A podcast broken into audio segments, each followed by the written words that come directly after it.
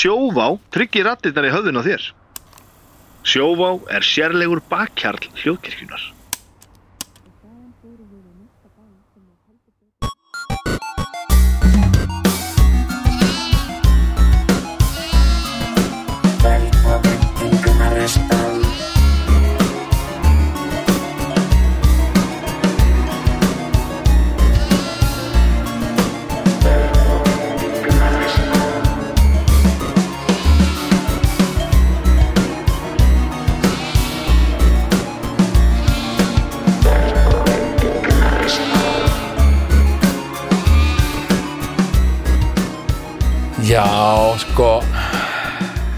Þetta er merkilegt sko. við, við Benni náttúrulega sko, förum lengst aftur.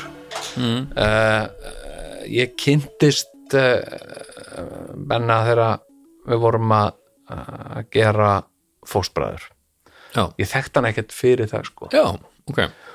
Og uh, en uh, uh, sko uh, Ben er sonur Erlings Gíslason og leikara og ég vissi það, mamma hafiði sagt sko Erlingur Gíslason var í frændi minn mm. uh, þannig að, uh, að ég svona uh, vissi einhvern veginn að við værum skildir sko Hvað er einn áskildir eða? Já, við erum frekar skildir sko. Já. Við erum uh, þremenningar eða fjórmenningar eða eitthvað já. já.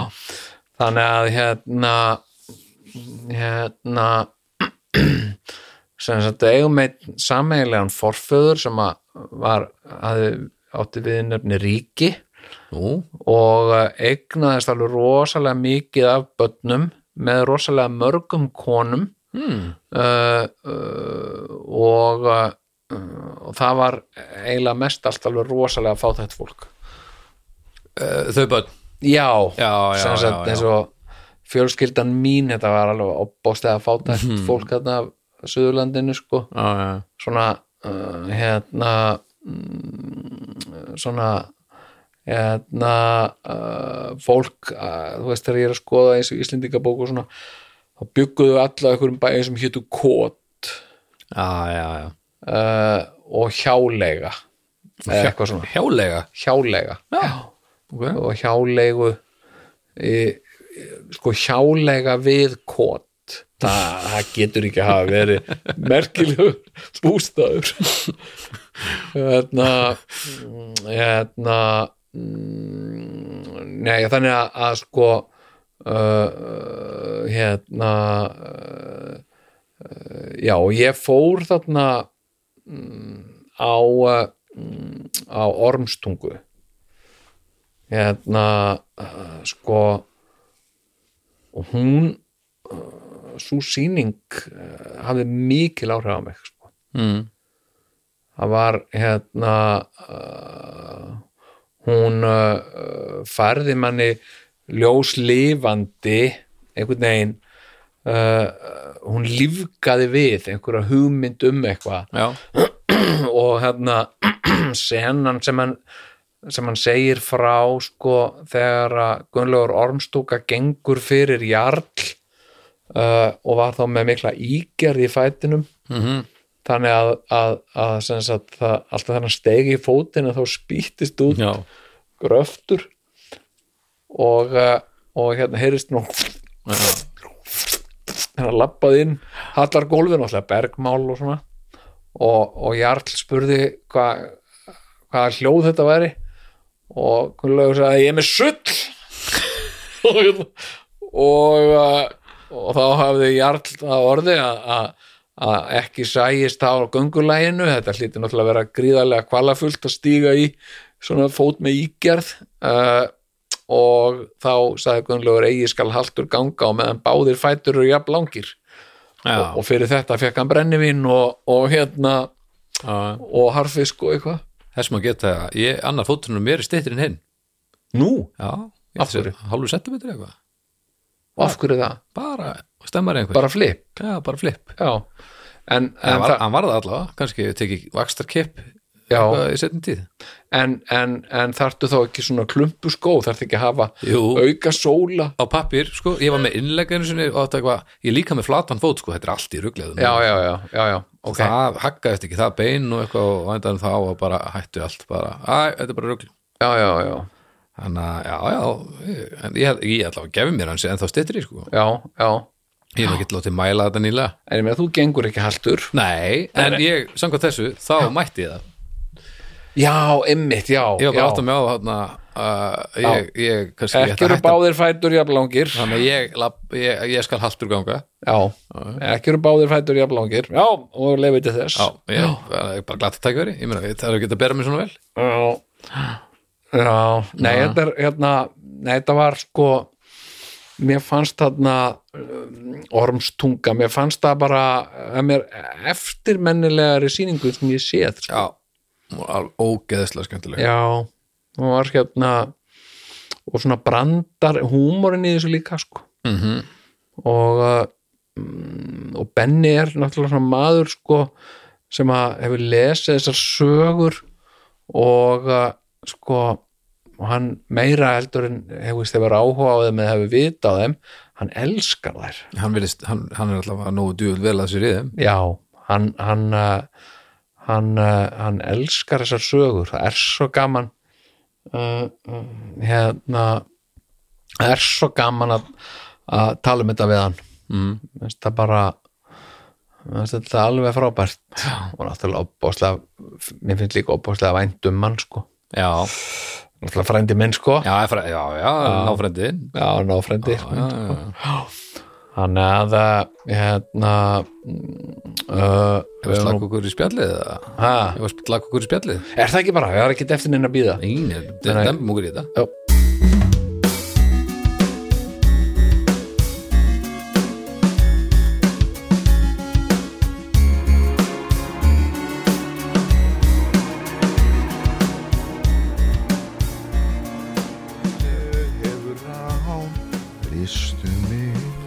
Er ég opsnauður Af ástvinum já, Ég veit ekki hvað þetta Ég, ég er að reyna að rifja Sko, þetta er svona torrek, já. Já, það er það sem þú byrjar að lesa Hvað Já. þú Það, hérna, sleitmarbönd, sleitmar, já, minnar ættar snaran þá, já af sjálfum sko, ég. Sleitmar bönd minnar ættar snaran þátt af sjálfum mér Mikið er þetta frábært lag, hvar fyrstu þetta lag? Ég veit ekki Kom þetta til? Þetta er bara, þetta er bara þráíkan mín Þetta, þetta er æðislegt lag, ég leitaði nefnilega mikið eftir því, þetta er svona eddu háttur á þessu sko. Já. og ég leitaði mikið eftir lögum til þess að syngja við þetta.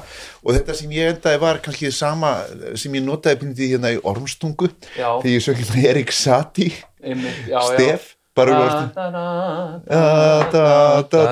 það gekka við eddu, eddu háttin þar. já, já. hérna, eitthvað um helgu fjóru erum við byrjað að taka upp? Þetta, þetta rúlar sko. Já, þetta er frábært. Sko, hérna, já Þetta er sko En þetta er frábært, þú átt að syngdu nú aðeins þetta fyrir í tíðinum. Leið mér að heyra þetta lag. Já. og nú er það dokumenterað Sko- að það, það er, það er Sko, hérna sem sagt, sko sko, hérna breytir sko, mjög, mjög sko, í, í, í, í sjönda erindi hér sko uh, og hérna hlustandi við erum að tala um Sonar Torrek eftir Egil það, að þá breytist lægið Já. sjálfkrafa að því ég var að tóna í gegnum þetta sko, um sem sagt að því að sko se, hérna, sem sagt sko mjög er um trekt tungu að hræra eða loftvægi ljóðpundara er nú vænlegt og viðrist þýfi njöhódrækt úr hugar fylgsni Er auðeistur því að ekki veldur höfuðlegur úr hyggjustað. Fagnaðar fundur frikjar niðja. Þetta er gamla útgáfan. Já. Það er reyndar þryggja. já, Fagnaðar fundur þryggja niðja í nýju útgáfinni. Já. Uh, ár borin úr jötun heimum. Lastalaus er lifnaði ána, hvers nökkva bræi, jötun sáls undir þjóta, náins niður fyrir nöstirum, sko þetta er svona tónnin en svo, já, Já, svo, svo- breytist hérna sko. Ég hefi rán ristu mig. Er ég of snauður að ástvinum sleit marbönd minnar ættar snaran þátt af sjálfu mér. Þessi lína er reyndar glötuð hún er ekki til í neinu handriti Þessi, að, að sjálfum þér, hefur hún einhverju viðbót? snaran þátt af sjálfu mér er viðbót sem engin veit hver. Já, hún er ekki til í neinu handriti. Ekki neinu sk- sko skinnhandri, hún Nei. hefur komið fram í einhverju já, pappirshandri í þetta er, afskrift. þetta er trúverðugasta viðbót. Já, já, já, já. snaran þátt af sjálfu mér, þetta er svo það falleg vantar, já. Þetta er náttúrulega bara fallegasta ljóð sem að þetta er Viltu, sí, syngdu fyrir mig, en ég ekki eiga þótti sagarafl býttu nú við, hvað er Það er að ef þú heldur aðeins áfram. Já, en ég ekki eiga þóttist sakarafl við sonar bana því að alþjóð fyrir augum verður gamals þegns gengisleysi sko, mér finnst þetta að vera svo undir meðvutundin Já. í sko skrifarans, eigils eða eitthvað er í uppreist við sko frekja við, við, við kultúrin En þarna er verið að draga mig bara henda mér hérna út í bara lestu þetta, syngdu þetta þú veist, þetta er, þarna er mér svona stiltu fyrir vegg, ég er ekki að Hvað? Ertu það um núna? Já. já, Bara- já, þetta eru bara þjóð, þjóðleg verðmæti að fá að heyra þennan lagbóða Já, og því að ég, hérna, við vitum að þetta hefur verið sungið en, en, en lagbóðarnir eru týndir og Einmitt. kannski eru sumið til Já. og svo kannski kemur ykkur til þín, ykkur bímaður til þín kannski var þetta eitthvað sem ammaðinn eða mammaðinn eða ykkur Nei, söng nei, nei. Og, og, og þú hefur heyrt eða nei, bara bjóst þetta til Æ, ég veit ekki, ég las þarna, eða las, ég skoða þarna, þarna rinjandi íslenskra tungu. Já, og uh, var mikið að velta þessu fyrir mér, sko, hver er melódían, hver er, hver er melódía Íslands, einhvern veginn. já, Og einhvern veginn skandinavíska melódían hefur svo mikið fyrir mér uh, verið, sko, vem kann segla, minnst það svo þetta er eitthvað svona skandinavískur plus einhver sko. Hérna og, uh, og síðan hef ég heyrt uh, uh, svona jóik og, og, og uh, uh, en, en það sem að virkilega kveikti í mér sko var írska sönglaga hefðin Sjónós. Sjónós sem að bara einhvern veginn sem er í rauninni elsta írska hefðin að segja sögu í löngu máli með söng. Já, og og það hefur verið sagt við mig að, að, að, að fólki sem hefur vita á svona að þetta, þetta, þetta minnið á einhvern nátt á sjónós já. sem að uh, já. Já, þetta er reyndar fyrir ekki að ég skjóti hérna inn en þetta er þetta kenningin og alveg frá rómverjum rómverski sagfræðingar lístu þessum germansku ættflokkum í norðri sem ekki höfðu reyt mál en geimdu sögu sína í sagnakvæði kvæðum og söngvum. Já, já, já, og, og þannig geimdu þurr kvæði sín og það er, eh, gengur síðan aftur auðvitað í ettu kvæðin sem eru heitu kvæð og góða kvæði er eitthvað geimt á einhverju dallastrama sem átti sér stað Já. þarna í miða en ég meina, svo náttúrulega kemur Snorri Sturluson, að því við erum að tala hérna með eigilsögu já, og þegar hann er að skrifa, skrifa heimskringlu þá er hann, sko, er hann annars vegar með mummalasögur og svo er hann með eitthvað gömul kvæði. Og hann lítur á gömlu kvæðin sem er raunverulega góðar heimildir sérstaklega þau voru orta samtíðamönnum og flutt í áhörð konungana. Það er því myndi enginn þóra ljúga upp á konungin ykkur í kvæði vegna þess að það var í sko þá háð skilur, ef hún Já, var í já. eitthvað fyrir eitthvað Já, sem hann gerði ekki já. og allir vissi hann hefði ekki gert það skilur, Já. skáldið myndi aldrei hætt á það að vera, veist, þú veist þannig að, þannig að að snorri í gegnum alla heimskringlusögu sem er sagt norsku konungasaga sagan, eða Já. þessi borgarastyrjöld í Nóri endalösa milli konungasættarinnar hann notar sko þessi, þessi heimildi dróttkvæði vísa, vísa þarna sem, sem, sem svona Já, já, já. og fyllir upp og notar það.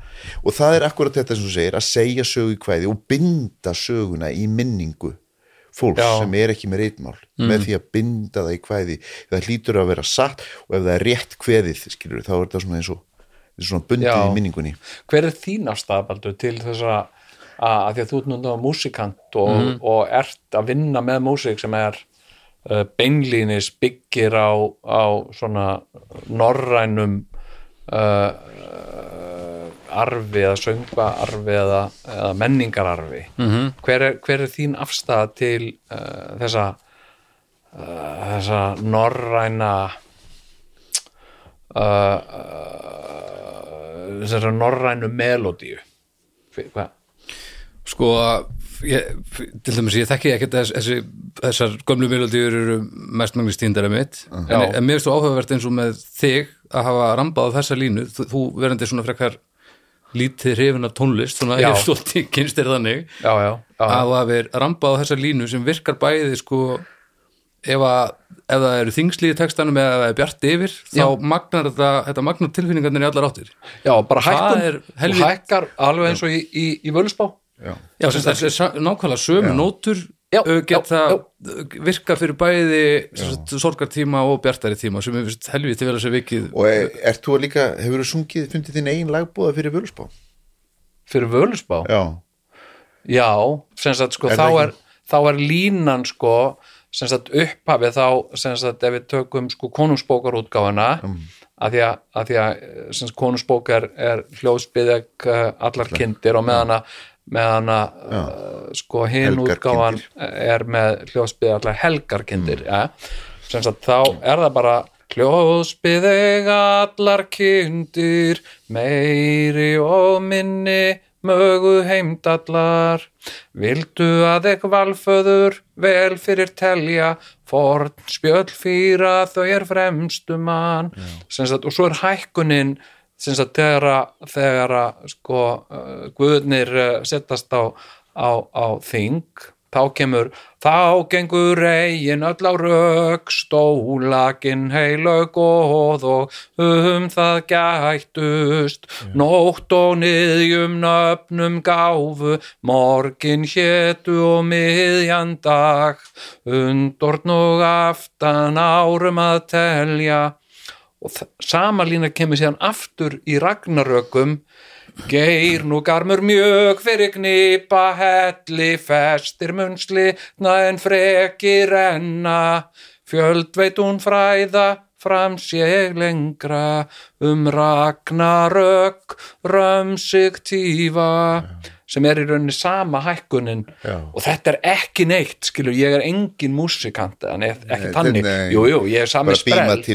sko Sveinbjörn að sprell, ég er sami svona Ég sprell. er sami sprell. Þeir voru hvað heit hann Sveinbjörn hérna, alls, al, alls er að góða Já, beint eins. já, hann gáði blötu sem var svona hljóðspið ég allar helgar kindir meiri og minni mögur heimdala Já, mér finnst Vilt þetta sko, er svona þetta alveg finnst rímna, mér gam, gamla rýmna formið með já, þessu en þarna endingunni. er eitthvað sem ég finnst ekki gott mm. Finnst ekki góðu bragur. Nei. það er þegar þú reynir að henda mörgum atkvæðum inn í eina Já, sem heimdala já. hérna, hérna upp taktin mennur. já, mér finnst það að ég alltaf að vera það alltaf að stemma. Já, já, sem en ég held að við viljum í dag að þetta sé meiri tónlist heldur en að þetta hafi mögulega verið. Já, þetta hefur verið meira þetta, við, viljum að þetta sé, sérst, við viljum að þetta Já. var ekki hugsað sem slíkt sko. En ég minna við sjáum eins og færeiska uh, sko uh, hefðina eins og ormurinn langi. Já. Sagt, Glaðir í það Noregsmenn á Hildar Það er svo gaman. Hérna, en þetta er sko, þetta er líka svolítið tengt svona uh, svona þýskum uh, svona söngvastíl sko. En- hann er ekki, ég held að okk að við sem að tala um eitthvað sem er sem er way, way back sko. En það er svo gaman að segir hérna tónlistin þegar við viljum í dag meiri tónlist því þetta er náttúrulega, eru heimild um þetta þegar það örðu til svona átök innan norsku hyrðarinnar þegar drótt hvaðu skáldin allt í hennu lendi í samkeppni við einhverja svona hvítmálaða grímuklætta gæja með trommur og, mm. og gýjur og það er eitthvað kvæði sem byrja svona slægur fyrir gaur með veist, og eitthvað bleik ja, þeir eru ægilega pyrraðir og pist á þessum, þessum trúðum sem eru mættir í hirðina og eru að taka aðtiklina sko. með helvítist tónlist. Já. Hérna, en uh, uh, við erum uh, erum stödd í uh, Gnaristan og, og hérna gestur okkar sem að ég, mér láðist nú að kynna við fórum bara beint í samtal hérna beint í söng sko. Já og söng og trall og sprell. Hérna, en gestur okkar í, í, í dag Gnaristan er, er Benedikt Erlingsson uh, leikstjóri uh, handritsöfundur uh, leikari uh, og uh, hestamaður. Wow. og frændi minn. Og frendi frændi. Við erum konin að Hannesi hérna og kald, kald að Hannesi Kaldaðanesi. Já, Já, tölum aðeins um Hannes. Nei, já, hérna, já, hérna verður hjartanlega velkomin. Takk uh, og þú uh, sko ég, ég fekk svolítið til að koma hérna og, og að ræða um Íslendingasögur uh, vegna þess að sko þú ert gríðarlega fróður um um fornsögur, Íslendingasögur og, og þér hefur tekist sem sko sem listamanni að, uh, að matreiða uh, Íslendingasögur uh, þannig að, að þær séu kannski aðgengilegri uh, almenningi. Og þú gerir það fyrst með, með, með ormstungu að ég mann uh, þar sem þú, þú og, og Halldóra Gerharsdóttir fluttuð í rauninni leikútgáfu af Gunnlaugs og ormstungu. Og ég kom fimm sinnum. Þetta er, þetta er orðið langt sinni þetta var, ég sá þetta fimm sinnum. Já, ég bjóð húsa ekki, ég náðu þessu einu sinni. Já, ok. Hvað sérðu? Ég náðu þessu einu sinni, Náður, að fannst Já, þetta ekki já. mögnuð? Sá þetta hérna nýri bæ upp á einhverju lofti Já, já, já, já. ég Já, býr já. þar. Já. Já, og uh, hafið þetta ekki mikil áhrif á þig? Jú, að- það var bara stórkuslegt Já, ég var alveg sko ég hérna og svo náttúrulega var þetta tekið upp sem, sem var líka uh, bjargættur Sjó, sjóvarsefni Já, já, já, já. Já, ég hérna uh, sko þú hefur líka og bara því að ég svo má ekki glemma hinu sem ég er miklu stoltari af. Já, er eh, Kona fyrir stríð, nei, það er bara- nei, því. Mr. Skallagrimsson já, já, ég, Sástu það aldrei? Nei, ég sá það aldrei, nú aldrei búið ég, stingum í hérta algjörlega sást ekki ég, þetta er líka þannig ég, mín indislega kærasta hún líka sá þetta aldrei, hún var samt að vinna á Akureyri og fyrir þetta í gegnum borgarna eins og hverjum deg og Já. hún var aldrei á sýninguna Nei, það ég er sko reyndar- Mr. Skallagrimsson í sex ár já, það er sko lengsta rönn á einleik held ég Já. Utan Night Nights já, ég nefnilega sko uh, uh, hver, hvenær, er, hvenær er þetta? Þetta er á 2006 til 2012 Það er í einn og það er ég ekki með Halldóru en það er inn í sami og leikstjóri. Við minnum með mér, Pétur Engvist já, Já. Hvar var þetta sínt í Landnámsetrinu og, uh, og þar er uh, hérna indakinn náttúrulega uh, Egilsaga Já, sem er, er það ekki rétt ég meina, Egilsaga er þín uppáhalds Íslendinga saga Já ég veit ekki ég, ég, ég vil ekkit svona segja það ég, og ég veit ekki hversu fróður ég er ég er bara svona kjölfróður og, og Já, já. hérna, áhuga maður um þetta og, en það er líka dásendin í því sko. hérna, uh, veist, það eru til einhverjir uh, uh, sérfræðingar uh, fræðimenn sem eru fróðari Já, já. en þú um eitthvað en, en ég er yksuga sko ég, Já, ég, já. ég nýti það sem og það sem er svo gott við listina og frásnarlistina sérstaklega og í leikusuna að ég þarf ekkert eins og einhverju akademikar geta þess hvaðan ég hafi nú fengið þessa hugmynd eða í einhverjum undirteksta ég Já. bara stel úr öllum áttum og Nákvæmlega. skreiti mig með þessu öllu saman er dásendin það er svo sko. indislegt Já. og svo koma þessir höfundar og fræðimenn einmitt á sýningar hjá mér það lengdur stundum um 20 mínútur af því að ég þurfti svona að fá meiri upplýsingar. Já, og ég hef verið leiðréttur á þessum sýningum og svo, og svo framvegis. Já, Það já, var mjög skemmtilegt. Já, það er uh, hérna uh, hef farið með fleipur sem Já, það já. er rugglast en til þess er leikurinn svo mikið gerður. Já. fara með fleipur vegna þess að fleipur hefur nefnilega svo ákveðin áhrif á fólk. Já, sem þú nærð ekki. Það er sem rétt. sagt, já, með því að fara með fleipur þá alveg þá, að- að- sko, æriru óstöðu Já. Já. Það er svo gaman sko. Nei, og al, fólk sem er alveg venjulega, alveg rólegt Já. getur bara brjálast bara já, svona. Já, sérstaklega að fara með ef er fleipur. svolítið vel að sér í efninu þannig ekki menta. Ég mitt ég var ekkert í mann, fyrstu skáldalur neir skallagrimssonar voru andaregg og kuðungar. Nú ég man ekki eins og í dag hvort voru fleiri nú voru þrýr kuðungar og, eða eitt kuðungur og, og þrjú andaregg eða eitthvað slíkt og, og ég hérna ég rugglaði þessu sko. Þar að segja ég bjóð, eitthvað, og ég var leiðréttur held ég, ég var búin að leika þetta í einhver svona 40 sýningar þegar það stóð maður upp og sagði nei, nei, nei, nei, nei, þetta voru sko fjögur andaregg og eitt kuðungur Stóðu. Og ég reyfst aðeins við hann og svo var hlje og svo fór ég og fletti þessu upp og kom tilbaka og baðst af sukuna hann hafði rétt fyrir sér.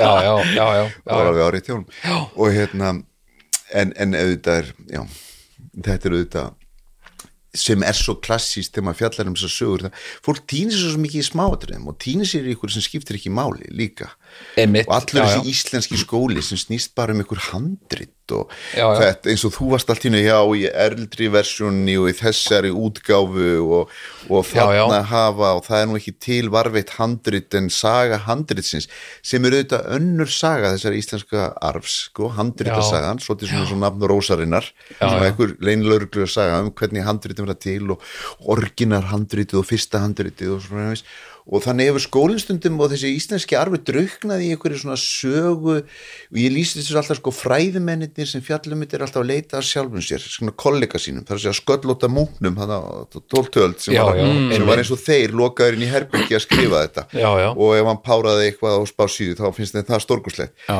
en þú veist virkilega stöffið sem er eða samfélagslýsingin eða mannfræðin eða bara einhvern veginn sínin á þetta geðvika sjúka og skrýtna samfélag sem eru með allt öðru sér gildi en sama manneskjan.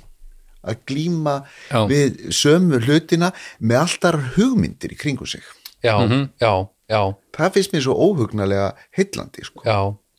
Það er hérna sko já, ég, ég sko hérna uh, það, er, það er svo margt sko varðandi varðandi þessi fornrit sko að, að sem sagt uh, sko þessi, þessi uh, handrita sagt að, að, að við hér dýrkum handrit. Þar að segja hérna mm, fornhandrit uh, uh, og, uh, og þau hafa líka gert það að verkum að sko að því að tungumála okkar er varveitt þarna í fornhandritum og er í rauninni undirstaðan undir því að við skulum bara yfir höfu vera með okkar eigi tungumál sem gerur okkur líka bókstafstrúar þjóð við erum, oft tökum öllu bókstaflega sem sagt, eða mjög auðveldlega og uh, hérna og uh, svona þetta, þetta, þetta jaðrar eiginlega við sko ákveðna svona trúarhyggju. Mm. sem sagt eins og maður sem les nýja testamentið og tekur öllu bókstaflega þar mm. hann, hann hérna mun hafa aðra uh, sín á það heldur en einhver sem les það og svona uh, sem ákveðin texta sem var skrifaður og í ákveðinu samhengi fyrir ákveðin lengum tíma síðan Já, þetta er orðið ákveð, það er svona heilalegi yfir sem Já, að, það sem verður- er hræðir almenning líka, svolítið Já, en hann er að- oft ósynilegur sko. það er, þú veist eh, hérna, bókstafstrúin sko, En þetta, fyrir ekki, ég skilst hérna inn, en Já. hérna, þetta er nefnilega tekið á þessu og í, í, þegar fokking bókstafurinn kemur í landið já, já, og menn byrja að skrifa niður og menn byrja að skrifa niður lög. Sko áður fyrir var þjóðveldið sko, þú veist, og reglur þjóðveldið svo lög geimt í minni einhverja Asperger, hérna, einstaklinga Já, sem voru kannski nokkuð margir. Og hérna, en menn gátt greint á um það Já, já. hvað voru lög. Já, já, og þá þurftum en að finna út því og þá búið fyrir bara sem hétt lögrétta. Djöfull, Já, þú veist, þreytandi. Jón mann þetta svona, hann mann þetta, eh, við erum að finna út úr þessu. Og það er kannski eitthvað tilvik, eitthvað, eitthvað vesinn, eitthvað drap, eitthvað kú fyrir einhverjum og eitthvað svona. Og það er eitthvað tværi versjónur á lögun og þá þurfum við að rétta af lögin, sjá já, og, og þá komum við saman og þeir eru um eitthvað sístem hvernig að finna út úr því og, ef við komum að stekja niðurstöðu og ef við get ekki kosið sér saman til niðurstöðu já, uh, um að finna réttu lögin þá er úrslit ákvæði þá fara einhver eru þrýr settir saman. Þeir eiga að ganga frá og þeir eiga að ákveða hvernig uh, lögin séu. Þeir eiga að rétta lögin saman. Það er Já. svona úrslita úrræði það má enginn vera nálætt þeim og hlusta á þá. Það er dauðasök að hlera þá. Nú, og það maður skilur þeir, segja, þeir farin í bakherbyggi og ákveða hvernig þetta er. Já, já, já, Svo, því að ef ykkur heyrir það þá getur ykkur sagt já en það er sjáðu til það var annað þarna og bla bla bla. Og enginn hlusta á. Svo koma þær með niðurstöðun og segja ok, þe- þetta eru lögin skilur Þetta er bara og það sem mannanamn gerist þarna er að Ah. lögin verða lífræn. Þú veist, þau geta aðalega sig. Þau geta breyst eftir aðstæðum Ah. eftir breytingu gildismati eftir einhverjum nýjum og erfiðum is, málum og svona þess Já. og þetta, er sko, þetta heldur í 250 ár hjá okkur, sko, íslenska þjóðveldið þá er þessi fucking bókstafur kemur skilu og þá bara allt í nöður bara til nokkra versjónir og, og þegar ég með þess að versjónar eru ólíkar eftir lagabókum af því það verið skrifað niður ólíkum skrifurum þá á versjónin sem skálholtsbiskup heldur að ráða. Einmitt. Þá já. gerir einhvern veginn allt þarna til helvítis. Þetta sem þú varst að lýsa Já. áður, mannanamnend, hún er sirka svona. Það er bara bakherbyggi, engin hlustar og svo bara er þetta einhvern veginn já, þá komur alltaf kemur niður stað Þá kemur niður stað, sko ég hérna uh, veit að þú hefur uh, ákveðna skoðanir á mannarnamlu lögum og, og hérna já, ég hef ekki, gert bara það við erum ekki alveg sammála en, Nei, ég meina, sko, hérna, uh, sko, ég, ég, hérna, varðandi, varðandi, uh, uh, sko, okkar menningu og sögu og, og, og arf, þá finnst mér, og ég held að sé ekki úr lausulófti gripi hjá mér, ég held að almennt ítlendingar bæði sem sagt uh, mentaðir, ómentaðir sagt bara almenningur á Íslandi ofmetur hlut heiðin, heiðinni í, í, í, í sinni menningu en vanmetur stórlega hlut kristni. Sagt hérna við höldum að, að allt svona gamalt sé meir og minna allt úr heiðinni og svo inn í þessu séu svona lítil kristileg áhrif. En, en það hafa verið ritaðar lærðar greinar um, um uh, mjög skýr kristileg áhrif í fornum textum eins og með svona torriki uh, sem ásamt að vera heiðið sko. og, uh, og hérna uh, en mótrökin eru líka að kristin hefur orðið fyrir miklum áhrifum af heiðni. Já, já, jú, jú, Skilurðu? auðvitað Og- en, en sko en sko, en mér sem með nöfnin að sko, að þegar maður tala um mannarnamnlögin eða mannarnafna nefnd, mannarnafnlögin Mm. sem, sagt, sem að halda utanum og varðveita íslenska nafna hefð Já. sem er öll kristileg.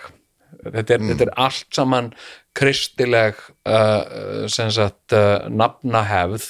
Uh, evrósk nafnahefð sem að íslensk nafnahefð er komin af er kristileg, hún byggir á kristileg uppsetningu, nöfnin eru a- a- 80% af þessum nöfnum eru biblíunöfn, uh, nöfn sem að voru til áður sagt, og það er mjög algengt og það er það hefur verið rannsaka og sínt fram á þetta að þetta með sko sagt, hluti af því að taka nýja trú er yfirleitt að taka nýtt nafn. Það er að segja að þú endurfæðist og, og hérna og í ensku er talað um sko, Christian name. Sem sagt, og það var mjög gætna þegar barbarar sem, sagt, sem höfðu ekki verið kristnir tóku kristni þá tóku þessi kristi nafn og glemdu þá, þá dó þeirra gamli barbaríski maður en þeir auðvitað nýtt líf með nýtt nafn. Og minnst þeirra þegar að, uh, þegar að þú tekur uh, uh, kathólska skýrt þá færðu já. nafn þú átt annað nafn sem, sagt, sem er þitt kristilega nafn. Og hérna uh, og, og til dæmis sko uh, ég vil meina og ég held að það sé ekkert úr lausulofti gripið kenning. Ken, Kenning, Já. það er Kenning. Já, já, en ég menna, ég, ég hérna, uh, sko, hún er alveg studd með, með uh, rúnast, rúnasteinum að til dæmis uh, nafnið uh, Ungur Úlfur Já. eða, uh, já. Ung Úlfur sem sagt var nafn, norrænt nafn. Já, sem að hljóðbreytist og verður á Íslandi verður Ingólfur. Uh, hérna uh, og hvort að það gerist bara sjálfkrafa með tímanum eða hvort að það er gaggjert til þess að draga úr uh, heiðnum hljómi þessa naps og gera það meira svona kristilegt.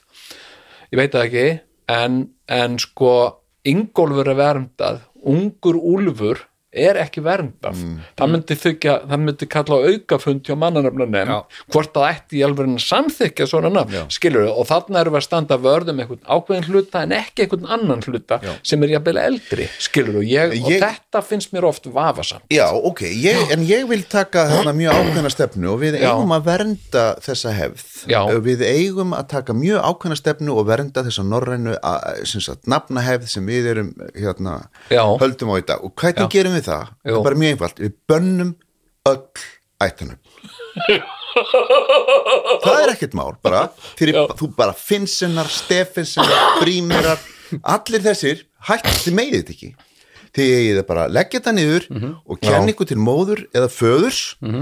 En aftur á móti og nú kem ég hérna með, með hjálpræði handa þér. Já, já, ég veit þú það. getur tekið upp viðurnefn já, ég þú Já, sem er mjög fort síður og mikið stundar í vest, vestmannegjum skilur Mhm. og, og þú keisti hvort sem það er illu í svarti eða skallagrímur eða þorstein Já. Mhm, hvíti eða hvaða viðurnefni sér og þetta viðurnefni átt þú ert að þykja frá einhverju eineltis úlingasamfélagi sem kallar Mhm. þig eitthvað. Þú, þú, þú tekur það við átjónar aldur.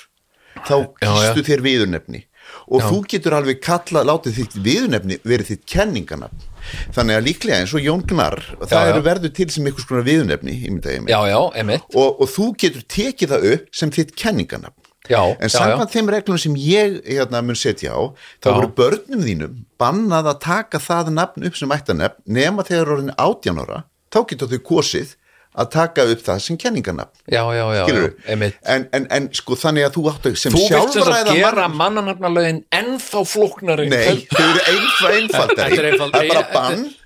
Þú heitir bara og kennið til fóreldris Hvort sem það er.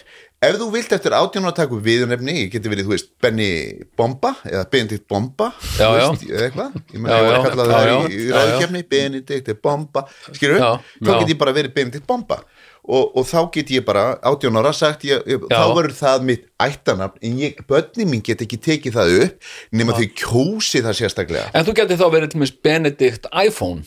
Já, já alveg eins og Eiríkur Blóðöksi ég, Já, já. Þá getur þú bara verið Benedikt Nákvæmlega, iPhone. Ég minna á í Vestmænum þetta er svo mikið rugg, það er til dæmis eitthvað fjölskylda sem kallast, kallast Vító alltaf eitthvað, Vító? já Jón Vító eitthvað, Sigga Vító, af hverju af því að pappin einn, hann hétt eitthvað, Þórður og var kallað Vító, af hverju, hann var markmaður hann var svo góður að verja víti og þú veist, og öll fjölskyldan Já. heiti Vító Já, já. og þetta er nú bara með betri ættanöfnum þar eða kenninöfnum þar því að sumur er mjög meinlega eins og frægast að segja hann um manni sem ég ætla ekki að nefna réttu nafni en við kallað hann sem bara hann hétt Jón og hann fekk allt í niður nefni Jón Stjarnar og hann var svolítið svona ánægð með það. Ok, ég er Jón Stjarnar og hann var alveg, kekst við því að vera Jón Stjarnar en vissi Já. það ekki að það var til þannig að ástkonur hans og kæristur höfðu komið saman og talað sér saman um það og fundið það út að, að Jón hefði mikinn áhuga á stjörnunni. Það er þannig. Já, já, og þess vegna varð hann að Jón já. auðvitað er þetta sko einelti. Jú, jú, skilurðu, já, já. þess vegna þurfum við að passa upp á það að þú tekur sjálfur upp þitt viðurnefni það var nú líka, það var annar Jón í Vestmanneum sem að sko uh, var uh, talin hafa uh, druknað og, uh, og hérna það var aldrei minningar að döfnum hann og sett upp leggsteinn Já. og uh, hann var talin af. Nema svo bara kom hann. Skilaði hann sér nokkrum árum setna Já. og hafði þá bara lent í einhverju fyllir í og siglingum einhverstöðum India Já. uh, hérna uh, um, um Asíu og, og hérna og, og fekk þá viðundefni Jón Heitin Já. sem sagt eftir Já, menn hérna var Jón Heitin, en svo er önnur náttúrulega merkileg hefð þarna fyrir vestan sko, sem er að kenna þetta með sko hérna uh, sem sagt uh, uh, hérna, það minnst eins og ditti öllu Já. Sagt, uh, við fór, já, já, en við gæluna að kenna barn við gæluna fórildis Já, sem sagt, sko, alla hún á strák sem heitir Ditti og þá hefði hann verið þó Ditti Öllu. Er sagt, þetta er fallegt. Já uh, uh, En sjáðu, ég ætla bara að klikki út með þessu. Ef við Já. viljum raunverulega verja þessa nafnahefð, þá verðum við að gera þetta svona eins og ég hef líst, Já. vegna þess að það er bara einfaldur, ég veit ekki kalla algoritmi, það er útreikningur. Ef við leifum eins og við gerum ættanöfn, Mm. þá mun þeim alltaf fjölga á kostnað hinna. þeim er að gera það Það mun gera, það er bara, ég segðu þú, þetta er bara, þú bara, þetta er ein, lítil bara, hérna, leikja kenning. já, já. Ef, ef hluti af okkur fær að kenna sig áfram svona, þá mun þeim alltaf hægt og býtandi fjölga Já, og ef þetta fólk, þessu fjölgar og það tingast við annað fólk, þá taka ættaröfnin yfir, bara að geða okkur nógu mikinn tíma. Þau- og þau það mun drepa þessa, þessa hefð.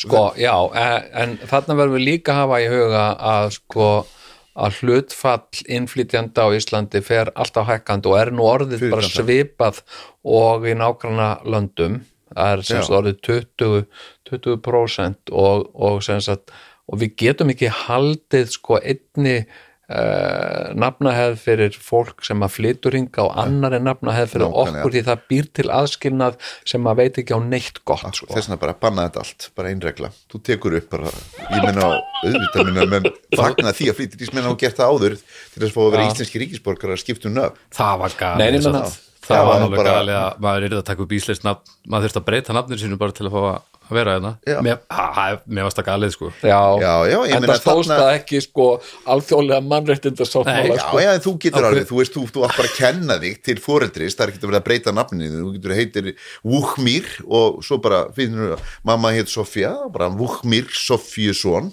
skilur við? Ég meina, Baltasars, hérna gamli, Samber, hann var auðvitað Maríusson, mamma getur hafa heitið María, ég veit það ekki, Já, já, en hann fyrir örugglega bara Maríusson, hann átti reyndar að breyta nafninu sínu og reyndi mikið og, og þangur til að á alltaf sagt nei, hann átti að breyta því eitthvað. Veldu þér eitthvað nafn úr, úr þjóðskrá? og hann fór í símastrona og þá fann hann eitt ríkisborgar sem, sem hann vildi líka heita það sama, hann heitir Vladimir Askinasi Já Og eftir það heyrði hann ekki meira frá þeim Nei, sko. það heyrði hann ekki Auðvitað frá gott. hann fekk nefnilega heita Vladimir Askinasi Já, af því hann var frægur sko. og það er náttúrulega svo sko, sko, eins og Dúra Nóna hann þurfti ekki að breyta uh, af því hann var heimsfrægur uh, íþróttamaður sko. Og hétt bara Dúra Nóna og hérna, en ég menna til dæmis, uh, Húsavík uh, og fyrsti uh, nafngreindi landnámsmaður á Íslandi hlýtur að hafa verið náttfari sem að stakka frá, frá Garðari, Garðari, Garðari Svafarsinni Já, og, og hérna og flúði í land með ónafngreindrina uh, ambátt. Náttfari fengist líklega seint samþygt sem mannana já, Ég- það myndi kalla á Þetta er myndi, Ekki fundur orðin bit er þetta ekki, hefur þú reynt láta reyna á þetta? Nei, ég meina þetta er örgulega fundur en þetta getur lengt örgulega með ég held ég bara. Ég, ég, ef, að, ég, ég, ég, ef þú ok. myndir uh, slá inn náttfari í Íslendingabók þá fengjur líklega enga niðurstöðu. Þú, þetta er nafn sem Nei. gengur ekki sjálfkrafa en þú þurftir að sækja um þetta Nei, og borga 3000 kall fyrir að fá að heita sama nafni og fyrsti skráði maður sem kom yngar til Ísland Já, eitthvað en svo svo voru kannski einhverjir pappar sem hétu Glekkúkun Já. eitthvað. Já, þau eru ekki Glugun, Sko, eitthvað. þau- eitthvað gelísk nöfn sko. þau eru ekki að vinna þetta í sjálfbóðavinnu sko, Nei, hjá mannanafnanefnd, nei, nei, sko. Þetta er ekki Það sjálfsög ekki. Þú þátt að borga fyrir þetta sko. En hérna, en uh, ok þetta er náttúrulega ákveðin hluti af okkar uh, okkar uh, þjóðmenningu uh, nafnahefðin og svona. En, en sko að ert að tala líka um lögin Benni, sko sagt að, að setja lög Já. sko uh, og ég veit það fyrir víst sko að, að, að, að, að íslensk uh, íslensk uh, lög til forna og norræn lög eru fyrirmyndin þeirra eru rómarétti sko sem sagt þetta eru rómar Já, ég heyri það, þú ert komin á þennan kristna skóla sem hugsar já, það hefur ekkert geta orðið til hér eða allt er frá Róm eða eitthvað það. en ég meina auðvitað, ég meina sko, það, það er alveg vitað að germanska þjóðir í, miða-Evrópu á, þú veist áttu sér Já. lög og heldu þing já, já, og, og Rómverjar fundi ekkert upp lög við vitum ég að þau eru frá Metsapotamíu og allt það Já, já. alveg frá bara Einmitt. upphafi alls samfélags Já, já. og það sem hefur að í ljós að þessi fyrstu fyrstu samfélög sem verða til sko, grunnurinn í öllum þessum fyrstu, fyrstu borgum úr í Mesopotamínu, þetta eru þingköld þeir sjá merki um þingköld Já, já, það er já, ekkit, þarf ekkit konung eða einvald til þess að, að- til þess að verði til mjög fjölmennt eh, samfélag mm. en þú þarft auðvitað reglur og lög og, og, og einhverjar svona umferðareglur í samskiptum. Og þannig hafa germanska þjóðir bursið frá, þú veist, rómverjum ég meina, þetta eru þessi, þessi, þessi þjóðir sem rómverjar voru ekki að kúa hafi átt sínar lög og sitt þingkald og, og, og reglur? Já, já, já, þannig að ég, ég, ég prumpa á allar þessar kenningar um, um eitthvað rómaréttur. Það er bara því að þessi sköllóttu fr- fræðikallar skilur að hafa ekkit annað að vísa í og vilja alltaf leipa, le, veifa einhvernum bókstaf og hækka sig í já. en ég meina, en auðvitað er þetta frá guðlaþingi, ég, ég vil meina samt sko að, mér finnst þetta mjög interessant Sjáðu til, það kemur hérna fólk til landsins sem er, sem er þrælasalar og, þrælar og þau komur samfélagi sem Já, er rosalegur ofbeldiskultúr, þetta er bara endalega sjóran og ofbeldi, þetta Já, er já. svona eitthvað mat-maks samfélag já, já. Skilurðu? Þú ert að meina eistrasaltið og, og ég er að meina landnámskynsluðin sem já, er hvað, fljóta mig frá Nóri það er Já, já. brjála borgarstyrjöld það er konungur sem Já. segir bara kastar exin og allt og hann tekur menn og fótekur það og dreipur þá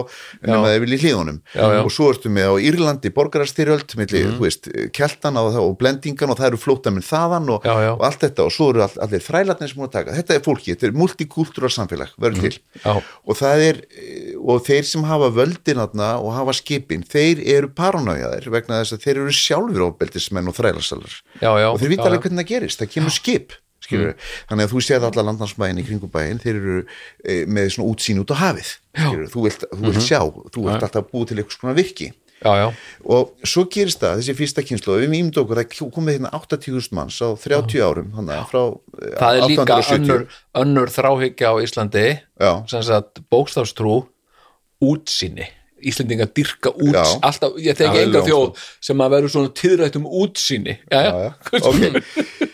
Allavega, svo gerist það að- þessi ofbeldiskultúr fyrsta kynnslóðin, það er bara eiginlega strax börnin þessara fólks, landnámskynnslóðin og börn þeirra sem stopna alþingi 930 já, sem er sem er uh, sko sem er ávið bara píramítana sko. Þetta er alveg, þetta er, já Frábæru hvað er Já. þetta? Þetta er tilraun til að hemja koma böndum á þetta ofbeldisvölda samfélag já, og skapa ein allsýra standardlög og þetta voru komin þannig einhver hérasting og svo framvegis mm Jú, jú. menn uppkvölduðu það að glæpamennu bara hoppuðu í næsta hérað skilurðu, og held áfram að glæpi þar Já, já. Og, og þarna er auðvitað vil ég meina vísun í tíma fyrir vikingöldina sjáðu til, við hugsaum alltaf sko, hugsið ykkur hver líkur geðveiki þessi vikingatími og hver lík bylting það var allt í nú þegar menn komst í þetta lánsfjö eða Já, já. Skilurðu? þú ert með eitthvað samfélag sem byggir á okkur gildum og viðmiðum og allt í nú verða menn svona ríkir þeir sem eiga skip og fara að ræna og koma með allt þetta fjö það verður Já. geðveik verbólga í landinu það verður þensla já, bara eins og við sáum hérna í, í okkar, okkar þenslu Já. og, og það rugglast öll gildin og, og, og það verður þetta og ofbeldiskultúrin tekur yfir. Og, og ég vil meina að þetta hafi verið svona, svona gildismats eða svona siðrófskjent ástand í, í Skandinavíu. Og, og síðan og, og, og, og á sér sko pa- partur af þessu, þessu gífulega innflæði fjárs til Noregs já, verður til dæmis að það færi þannig maður hugmynd Haraldur Hárfæri um það, heyrðu, það er þetta að leggja á hérna herri skatta, auðlindagjöld, menn eiga alveg efna á því. Já. og hann eh, byrjar að leggja undir sig eh, Noreg með þetta Já, já. frábæra trikk að selja strákunum í næsta hér að hei, ok, ég ætla að vera yfirkongur já, já. en þið fáið jafn, ef þið verðið undirkongar hjá mér eða jarlar mínir, þá fáið jafn mikið pening og, og kongurinn ykkar er að fá núna já. ég ætla bara að leggja nefnilega- skatta hann Já. veit að það er meira skatt ekki að fá þarna já ég, og þannig ég vinnur hann Noreg mér hefur alltaf sko, ég hef alltaf haft horn í síðu skatta og verið illa við skatta og mér fundist skattar íþingjandi mm. Þangað til ég var borgarstjóri. Já, þá gjör breyttist afstæða mín. Já til einmitt. skatta. Ég var bara, Einmitt. skattar er þetta alveg já, ok. Ok En hérna, ég veit ekki hvað ég var að segja Jú, ég er að tala Já, um að hérna, um mér finnst Harald vera og- afturkvarf og mér finnst eigilsaga lýsa frá því þegar menn stopna síðan þingið Mm. að þá eru menn þetta á öndverðum eyði og eigill er gott dæmi um mann sko, sem hérna reynir að sprengja upp þingið hann er á móti þessari hugmynd, hann trúur ekki á mannlegt eðli uh, og hann er auðvitað freki kall, allra freku kallana Egill. Mm, já, já. hann er hetja þessa, þessara kultús, þessa tímabil sem trúir á mátt sín og megin og auðvitað er hann sko andlega vangefin, hann er sko hann er auðvitað félagslega heftur maður. Já, er það? Já, sko, þá þurfum við að fara í eilsug en, en sko, og við ættum kannski að gera það sko, veist, að því að hvað er eilsaga sko? Fyrir mér er hún saga um mann sem er sem sagt, félagslega sem sagt fatlaður. Svona taktlaus. Já. en hann á bróður Taktlaus sem er mjög félagslega hæfur. Jú, jú. og þessi bróðir hans er svo mikill snillingur að honum tekst sko að endurvinna tröst og ríki ættar sinnar sem er landflótta úr öðru ríki. Að því hann er svo mikill, hann er svo yndislegur. Hann fyrir til Noregs og hann sjarmir alla þá upp og hann er bara komið með allt. Já, já, tala reybrandi norsku Já, og, og Heyrðu, hann fær litla bróður sinni í heimsó og hann fokkar þessu öllu og hann klúðrar þessu öllu þannig að þessi glæsilegi bróður hann er neyðist til þess að vera hann útlægi frá Noregi og hann er komin í vondmál og hann er endar sem málaliði og þeir komast í vondar ástæður og hann drefst og er drepin í orustu og það er allt litla bróður að kenna litli bróður er búin að eyðileggja allt sem stóri bróður hefur gert. Jú, jú, já, já. Og þá gerist það að litli bróður sem er félagslega heftur. Hann, þarf, hann tekur á sig hlutverk stóra bróðurs. Hann þarf að vera höfuð ættarinnar en er félagslega vangifin já, já, já, já, og hann byrjar með þeim ráðum að endurheimta það. Já, og hann hefur reyndar eitt. Hann hefur skáldskapalistina mm, sem gefur honum hérna, menningalegt auðmagn. Já. Og hann finnur einhverja haft svona leið til hjartasins sem er alveg uník í tímanum já, já, já, já. en enga síður er hann með þennan arf og, og, og það er síðan gegnumgangandi þema hvernig þessi eitraði kallmennsku heimur þeir vilja undir meðutund þeir vill, vill ekki sko hann erfist minna pappi hann skallagrimur hann vill ekki hann erfi silfrið sitt og grefur það frekar niður og Egil gerir þetta líka hann vill ekki að silfrið erfist og allar að annarkvort Já. dreifa það yfir þingið að grafa það niður þarna er undir meðutund annarkvort sögumannsins eða þeirra sjálfra. Já, þeir já. vilja ekki að þetta, þetta eitur erfist sko Einmitt. og, og það er það sem sko mér finnst sko vikingaöldinni er raunverulega sko að ljúka þegar fólki á Íslandi ákveður að stopna þing og reyna að finna einhver friðarbönd þessi barátum að hætta þessum hemdarkúltúr og búa til system þar sem þetta er að kaupa sig út úr þessum, þessum, þessum vítarhing sem er líka hugmyndafræði káðsku kirkjunar það er að segja Já, að þú já. borgar sem sett í staðin fyrir að sé, sé drepin eða stungið úr þér auga eða hokkið eitthvað af þér Mm. að þá borgaru bara eða vinnur uh, einhverja vinnu. Sko, ég vil meina, nei, veistu það þarna vil ég Já. aftur vera á móti þessu kathólsku kristnu kjaftaði vegna þess að þetta er í rauninni sama fyrirbæri þú veist að, hemdarétturinn er varnartækni bara eins og kaldastriði Já. Skilurðu, við verjum, ef þú appast upp á við, minn, minn, frænda minn, þá færðu það í hausinn. Já, að eins gott að gera það ekki. Já, já. hvernig komast þú út úr því? Jú, þú, það er hittir að borga sig út úr því. Ef Já, þú appast upp á mig, þá þarf það að borga Einmitt. og ég þarf, og allir mín menn standa mér og þeir láti ykkur borga reyndar í peningum en ekki blóði en þeir fáið fokking að borga. Þetta er, en, þetta er samt kjarnanguspil já, já, þetta er það alveg, það er alveg rétt sko, en, en hérna sko uh, já, en ég uh, sko, varðandi varðandi sko uh, hérna vikingöldin, þá var ég að heyra ég var að lesa uh,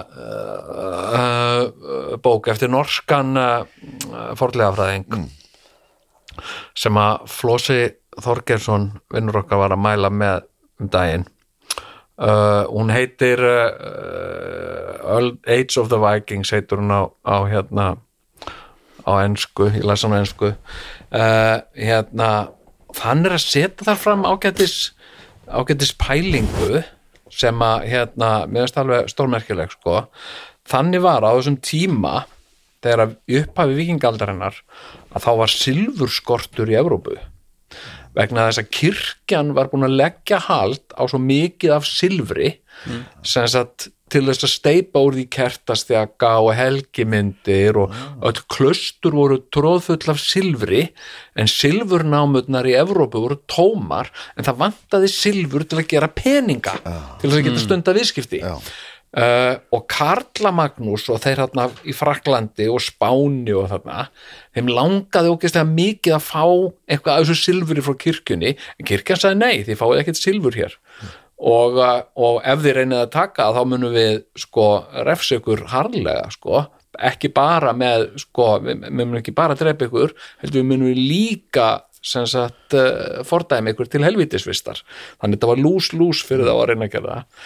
Þannig að þeir uh, sömdu við norræna ættbálka sem að höfðu engra hagsmuna að gæta gagvart kirkjunni. Eru þið ekki til í að ráðast á Klaustrin. klaustrin Sækja þess að kertastaka Já, þið megið taka þetta lið, þetta er allt vopplaust, taka þið getið selta á þrælumörkuðum en látið þið okkur hafa silfrið. Af því að við ætlum að bræða það og gera peninga. Og þetta er vinn-vinn fyrir alla. Og, og, og sem sagt þannig að, að sko Hefur hann einhver heimildi fyrir þessu? Hefur hann einhver heimildi fyrir þessu? Hann hefur uh, hefur hérna uh, heimildir fyrir þessu, þetta er Þetta er stórkostlega kenning. sko. Að, það, að þeir hafi í rauninni að, að upphaf þessar skyndilegu vikingaaldar hafi verið þessi dýl sem hafi hvergi verið skrifaður. Já, já, já. sagt uh, og svo bara uh, það sem að við tryggjum Karla Magnús og, og, og þeir við tryggjum ykkur þið eru ekki með útafsiglingaskip þið eru með strandsiglingaskip en við skulum leif ykkur að sigla meðfram ströndum okkar landa á þrælamarkaðin eða í miðarhafi og við munum ekki ráðast á ykkur. Það hafi verið ykkur dýl sko. Og hérna og, uh, og hérna og átt að vera þá vinn-vinn fyrir alla nema kathólsku kirkuna Já, svo alltaf páfan sko, sem að var náttúrulega með einhvern stærsta engaher í heimi á þessum tíma sko. og ef að honum uh, sagt mislíkaði eitthvað við þig þá gæti hann sendt 40 herskip Já, drekklaðin hermunum sem bara drápu þig og allt eitt fólk sko. uh, hérna En, en mér fannst þú, ég held að þú hafi sagt mér líka frá þessari kenningu um að þrælar í hæsta verði hafi verið vanaðir kallmenn já, sem voru hátt hérna það er samkvæmt heimildum sko, frá þrælamörkuðunum Já, uh, og þá það sí, sýnir svolítið sko viking, þegar við tölum um vikinga í ákvæðu til, til hérna ljósi, það Já. segja þetta voru ekki allt ræningar, þetta voru verslunarmenn. Þeir voru að versla um Evrópu, veist, hvað voru þeir að versla með, þú veist, þeir voru í mannsali af fyrst og fyrir 80% af, af, af, af business þeirra voru þrælar Já, og kannski voru þeir í mannsalsbusinessunum áður eru þeir urðu ræningjar og Já, já, þú veist. þeir voru að flytja þetta fram og tilbaka í Európu og suður eftir.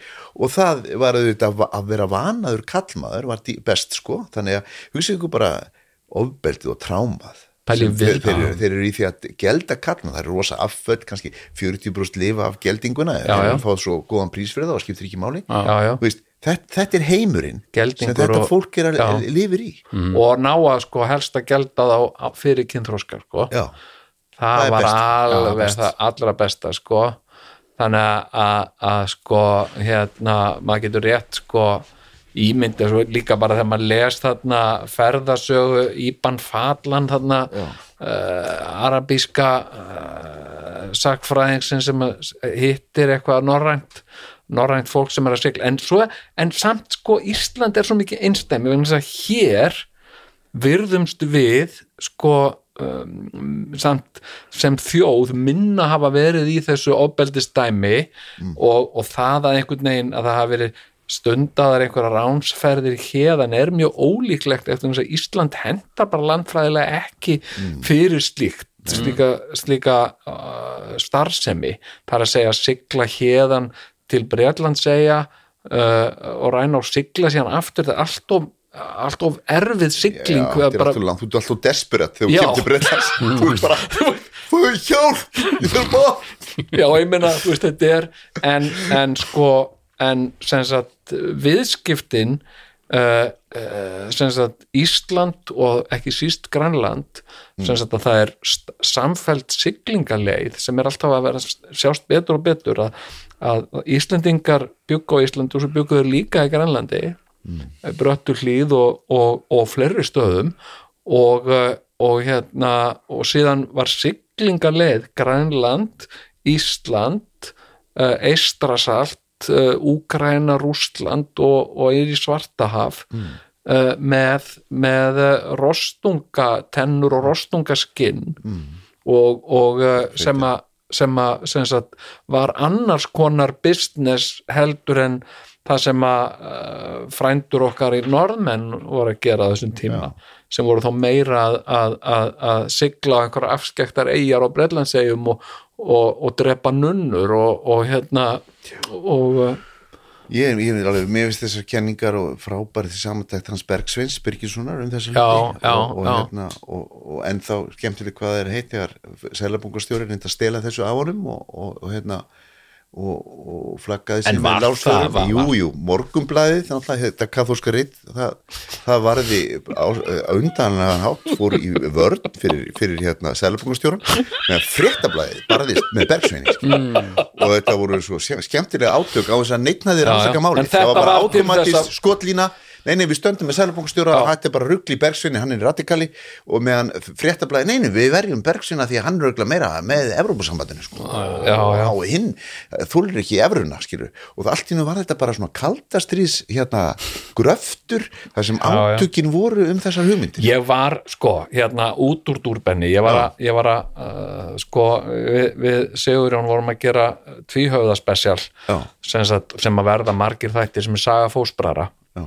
Og, uh, og Sigurjón er náttúrulega sko, þú veist, hann, hann er náttúrulega sko handhafi Asperger gensins, hann man hann hefði setið í brekkunni rassflautur á þinginu Já, já. og munað hann hlustaða man- lögsögumanninn á hverju ári. Já, hann man hvar hann var í mars 1984 Já. þú getur spurt hann hvar varst þú í mars 1984 mars 1984, já þarna rigningasömmarið hérna, sko mars, þannig um vorið Já, þá var ég, ég var í Reykholti. Nei, ég kom ekki í Reykholt fyrir í apríl sko, mars, já, ég var, ég var veist þá manna veist, hann, hann getur rakið sér allt svona. Herðu, hann var að rifja upp þegar við vorum að byrja fósbræður Já. þá vorum við sem sagt uh, sko uh, það var búið tilkynna okkur segur að við ættum enga framtíð fyrir okkur hjá Ríkisúttarpinu og, uh, og þá var hann nýstofnuð stöð þrjú. Já. og og, uh, og sagt uh, og fóstbræður urðu til þarna. Og þetta var sjónvarpstöð sem var rekin af kolkrabanum, þetta var sjálfstæðisflokkurinn. Já, á móti stöð tvö. Já, sjálfstæðisflokkurinn, Æslandi er Eimskipafélagið og Morgunblaðið stóðu þeir að Já, við vorum, Við vorum pældu í því. við. Þessir anstyggilegu sósialista Já, djöflar við, við vorum búnir til Já. af kolkarbanum sko. hérna hérna uh, sko uh, svo Snorri Sturluson búin til af norskum konungum. Já, já, einmitt þetta er svona hérna en, en hérna en sko benni, hérna uh, uh, uh, að, að Íslendingasögunum sko, það sem að mér finnst sko oft vanta uh, með Íslendingasögur uh, sko uh, sem sagt uh, hérna þetta rennur svolítið saman og samt hef ég haft alveg áhuga á því að vita þetta. Sem sagt uh, af hverju var þetta samið uh, eða þú veist, af hverju var þetta skrifa niður af hverjum og hver hafði haga af því í hvað tilgangi var þetta gert? Og eða rennur svolítið saman uh, uh, sem krakki þá held ég að Snorri Sturluson hefði skrifað þetta allt. Ég held það. Uh, og síðan komst ég að því að hann var ekki hann var líklega sæmundu fróði eða Ari fróði eða eitthvað svona, eitthvað svona kall, eitthvað, en samt veit ég ekkit almennlega um það. Uh, hérna uh, hérna uh, sko það verða til uh, nokkur uh, fræðasetur á Íslandi. Sko gríðarlega mikil nautgriparækt til þess að hafa skinn til þess að það, þetta er mikil yðnaður að verka þessi skinn og, og hérna og Oddi til dæmis uh, verður, verður sko fræðasetur. Uh, hérna ég veit ekkert.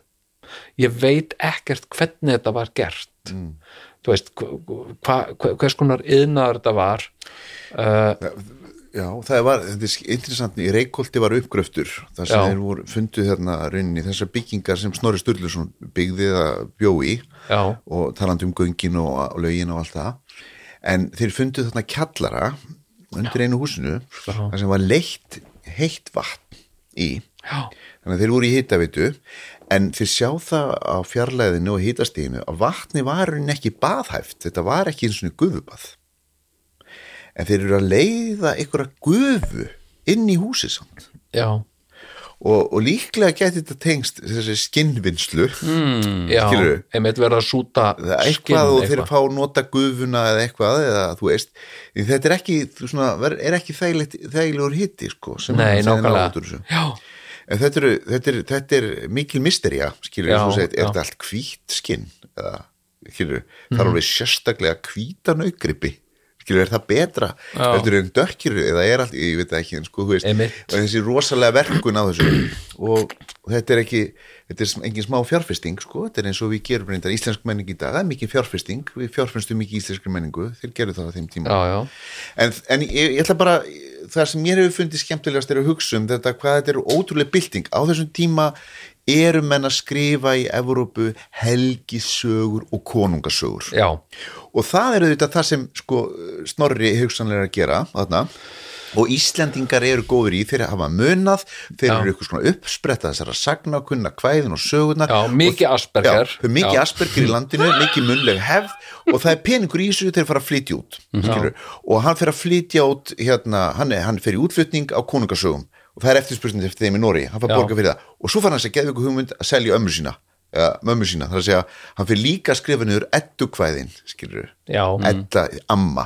Hann, fyrir að, hann, fattar það og skáldskaparmálina, hann fattar alltaf það eru verðmæti þarna í þetta sem hún amma er alltaf að þylja fyrir sér skilur já, einmitt já, já. Þetta- þessar ruggsögur, þetta, þetta Það er goðafræði ekki kjafti. bara rugl, Já, sko. og hann fær það, hugsanlega fær hann þá hugmynd og hann flytur hann út og svo fær hann þessa briljant hugmynd. Heyrðu, af hverju konungarnir ég er að skrifa hérna konungasögur um ættir konungarna til að etablera og, og hérna, styrkja þá í sessi þeirra valdasögu og, og ættir og skillleika þeirra til óðins konungs og allt það. Já, já. af hverju skrifa ég ekki mína eigin sögu? Um hann eigin skallagrim sem forföðu minn skilur, Já. okkur bændurna já, skilur já, og ef þetta er rétt að Snorri hafi skrifað fyrst í Íslandingasöguna og það hefur verið eilsaga skilur, þetta er náttúrulega þarna á sér stað svona stökkbreyting, briljant hugmynd skrifum okkar eigin sögur en var, var Eh, og, og þarna verður til þessi bókmynd það eru bara Já. venjulegt fólk og en, en, sko, en- Sæmundur Já, Sæmundur fróði líklega hann líka hann, hann er auðvitað Sæmundur er hann í bakgrunni því Snorri er hann upp í Odda Já, og, og, já. og Sæmundur var auðvitað í Ansjansis og bróðum minn Friðrik er að sína alltaf fram á Já. og þar sá hann svona sögur á latínu Einmitt. um sögu furstana og greifana já, já, það sem, þú veist, þeirra ekki konunga heldur greifasögurnar já, já, já, já. og það er hugsanlega að kannski byrja þessi, þessi arfur þannig gegnum Oddan Já. og fer inn í Snorra og Snorri fyrir að skrifa íslensk Já, einmitt að sko Sæmundur kemur eitthvað en, en, en líklega hefur þá Sæmundur haft meiri áhuga á því að skrifa á latínu. Já. Það er náttúrulega svo einstakt Já. að sko allt þetta sem var verið að skrifa þarna á tíma var skrifað á, á latínu sem var náttúrulega aðal tungumáli sem síndi að þú varst lærður og, og hafðir eitthvað fyrir þér og svona. En, en, en það er svo einstakt við Íslendingasögur að það eru skrifaðar eða íslensk fornrit er á mestu leiti skrifuð á íslensku sem bendir til þess að það hafi kannski verið gert að næsta fólk kunn ekki latínu. Nei. Já, akkurat. Bara- og talandi um þú og þínir kathólsku vinnir sem alltaf Já, verið að tala um að kathólskan sé svo mikilvæg skilur Já, en sko ég, ég, ég líka verið að benda á að, að það er svo mikil munleg hefði í landinu.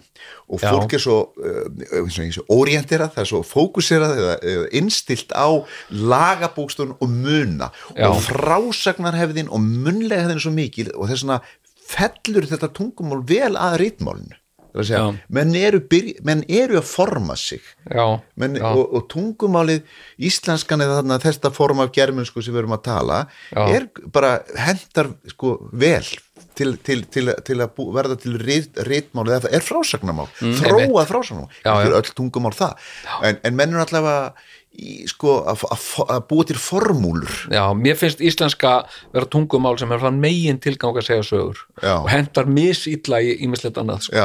Já, það er, það er til dæmis, sko, sumt sko, sem að er bara mjög erfitt að nota íslensku í sko, eins og til dæmis í stjórnkerfi að gera svona hérna, sko en það er íslensk stjórnkerfi bara eitthvað það alversta í öllum heiminum sko, en þess að við erum ekki með tungumál sem er til þess að búa til stjórnkerfi. Latína er svoleiðis Já, tungumál. einmitt. hérna já. uh, og þýska líka. Já, eitthvað svona.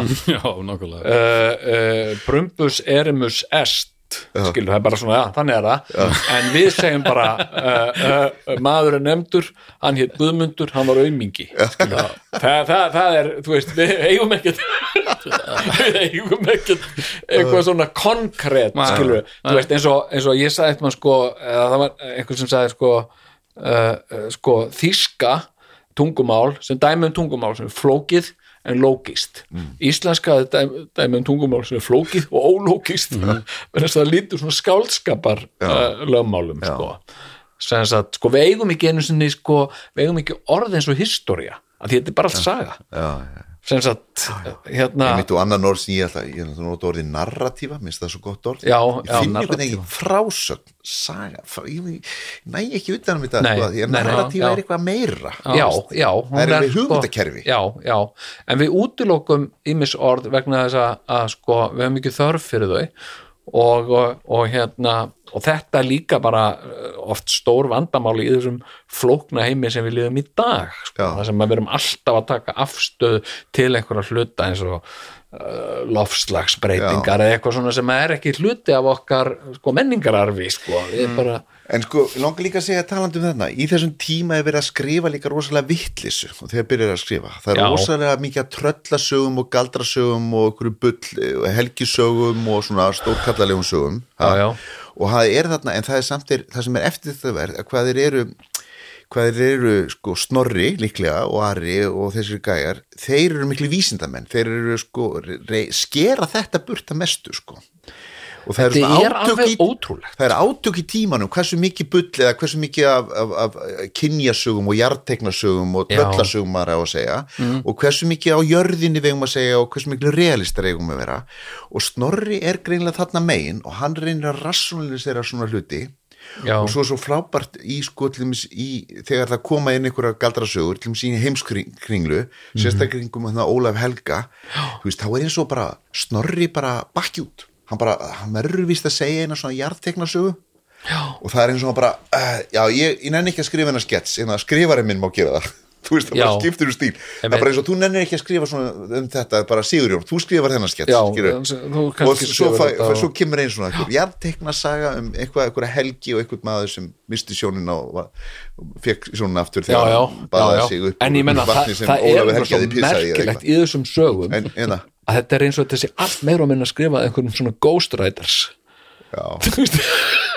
það er, það er einhver sem að þú veist uh, hérna, fjármagnar þetta Já. og á einhvern hluta því Já. einhvers konar rítstjóri eða þáttakandi Já. en það er greinilega her manna þarna já, já sem að fá ekki einu sinni nafni sitt sko. Nei, nei, en ég, en sko samt er þeir mjög uppteknir af höfundarétti dróttkvæðana þeir, alveg, þeir hafa hugtak um skáld og þessi orti þetta kvæði og hann Já. er höfundur kvæðisins.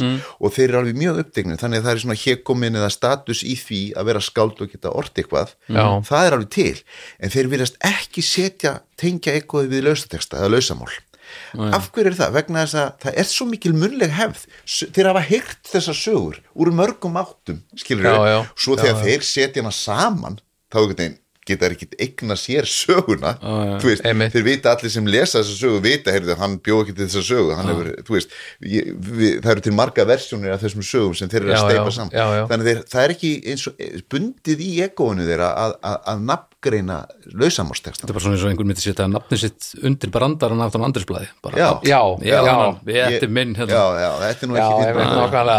Það hérna, Þú finnst þetta nú ekki merkilegt, það getur nú allir sett sögu. Það getur, já, kunna nú allir sögu allar þú að fyrir eitthvað eigna þér það Já, já, þú já, hafir þetta er bara- steypt þessu saman. Þetta er bara svona saga. En, en, en sko ef að Íslendingasögur eiga einhvern sinn líka uh, sko einhver, einhver, á þessum, þessum tíma þá er það írskar sögur. Það er sem sagt það er einhver það er einhver uh, líkindi þarna með að með hana írskar sögur eru kannski uh, að fjalla oft svona um, já, einhverja svona að ég veit ekki, minnst alltaf fjalla um einhver brúðkaup Já. það er eitthvað svona uh, klaklan, leiklan uh, var að giftast uh, konu sem var úklan, íklan eitthvað, Mm. uh, þetta er svo flókin nöfn, sko, ég, ég, ég, ég hef aldrei lesin eitt þess, ég lesi um þetta og svona, en það er einhver, sko Já, það er einhver skóli um Já. þetta, ég þekki ekki nógu vel írska sögur en þetta er Ég- alveg, það, það er talað um skáldaskóla á þessum tíma, þá hafi verið mjög flóki skáldamál á gelísku Já. og menn hafi gengið skóla og þetta vísar í dróttkvæðin og sko og Gísli Sigursson hefur hérna prófessor Já.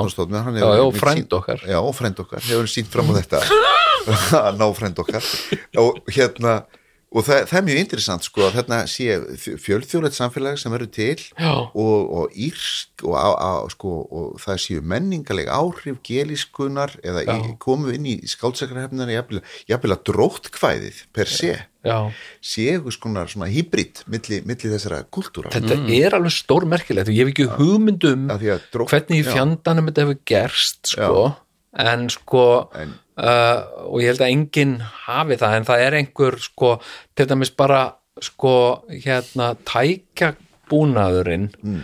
uh, uh, segjum sem svo að þú segir hérna, ég hef áhuga á því að nota hérna það er svo mikið af kálfum hérna og, og sko, getum við ekki tekið af þeim húðnar búið til uh, hérna uh, handrit og skrifa niður þetta það er sem svo amma allt þetta þrugl í ömmu ja.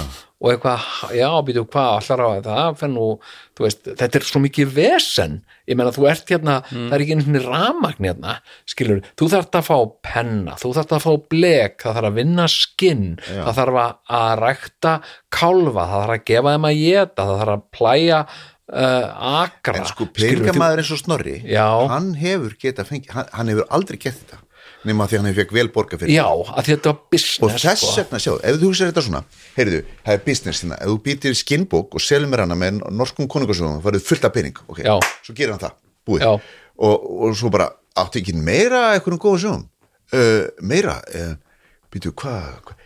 jú, heyrðu, amma jú, jú, jú, ég, ég skal selja það fleiri skinnbækur. Ok, Já. slátra fleira. Sögur þar hérna ömmu, hérna hetukvæðin og hérna Brynhildur og, og þetta kjaftaði Sigur Fafnispanna Já, já. og, og, gerum það. Komum því og Já, og seljum það er kift, næst. Átti ekki eitt meira? Já, já. Um, meira, byrju, ég er búið með þetta ég er ekki að að segja helgjusur. Ok, Egil Skallagrinsson, ég get gert það. Það er góð saga, kemur nú, ég ætla að skrifa hann Sko, ég er frábæra sögu. Já, og þetta, já, veist, já. og ég bara ég, ég kaupi fullt af uh, nautum og ég slátra þeim en ég, veist, það margvært borga sig. Já, já. þess að Ég- þetta getur sér efnaðarslegur svona, kapitaliskur kvati finnum eitthvað efni hérna setjum það ekki á brent Þetta er eins og á að Jón. Átnason sko, fór um Ísland að safna þjóðsögum og uh, allir sem voru tilbúinir að setast niður með honum fengu harðfisk og brennivín hver var ekki til í að sitja og, og borða harðfisk og brennivín og ljúga einhverju þvaðri á honum. Já, já. ég held að mjög mikið að þessu hafi verið búið til á staðnum sko. Já. og sérstaklega búin að fá nokkur glösa brennivín ég hitti mann á Ölstofunni sem var eitthvað gæt og hann fór að segja mér eitthvað þjóðsugur sem voru svo mikið fucking Já. bull sem hann var að segja túristónum já, já, og ég fatt að hann er bara búið þetta til og Einmitt. þetta var svona Nákvæmlega, þetta var, þetta var svona maður sem hefði svona eitthvað skonar, já, með svona mósæk minni, hann bjóð til svona sögur já, já, Þú veist, já. þetta er eins og fræga sagan hans hérna, Dag Sigurðarssonar um, um hverfiskötu sem Já, er svo einmitt, já. þú veist, hvers vegna heiti hverfiskata hverfiskata Já. vegna þess að Hlemmur landnámsmaður, hann var út á sundunum að veiða skötu og hann setur bara í svona rosa stóra skutt og dregur hann upp í bátnum til sín og svo kemur hann bátnum að á rauðarsandinum hann að fjörinni og, og dregur skuttunum og svo þungan það þurfti að fara undir hana og, og hann dregur hann upp í götuna. Og þar verður hann svo mikið mál að kúka. Þannig að hann skilur skuttuna eftir þarna í götunni og, fer þarna upp aðeins og bak við stein og skýtur. Og þegar hann kemur tilbaka þá var skatan horfin. Og þess vegna heitir gatan hverfiskatan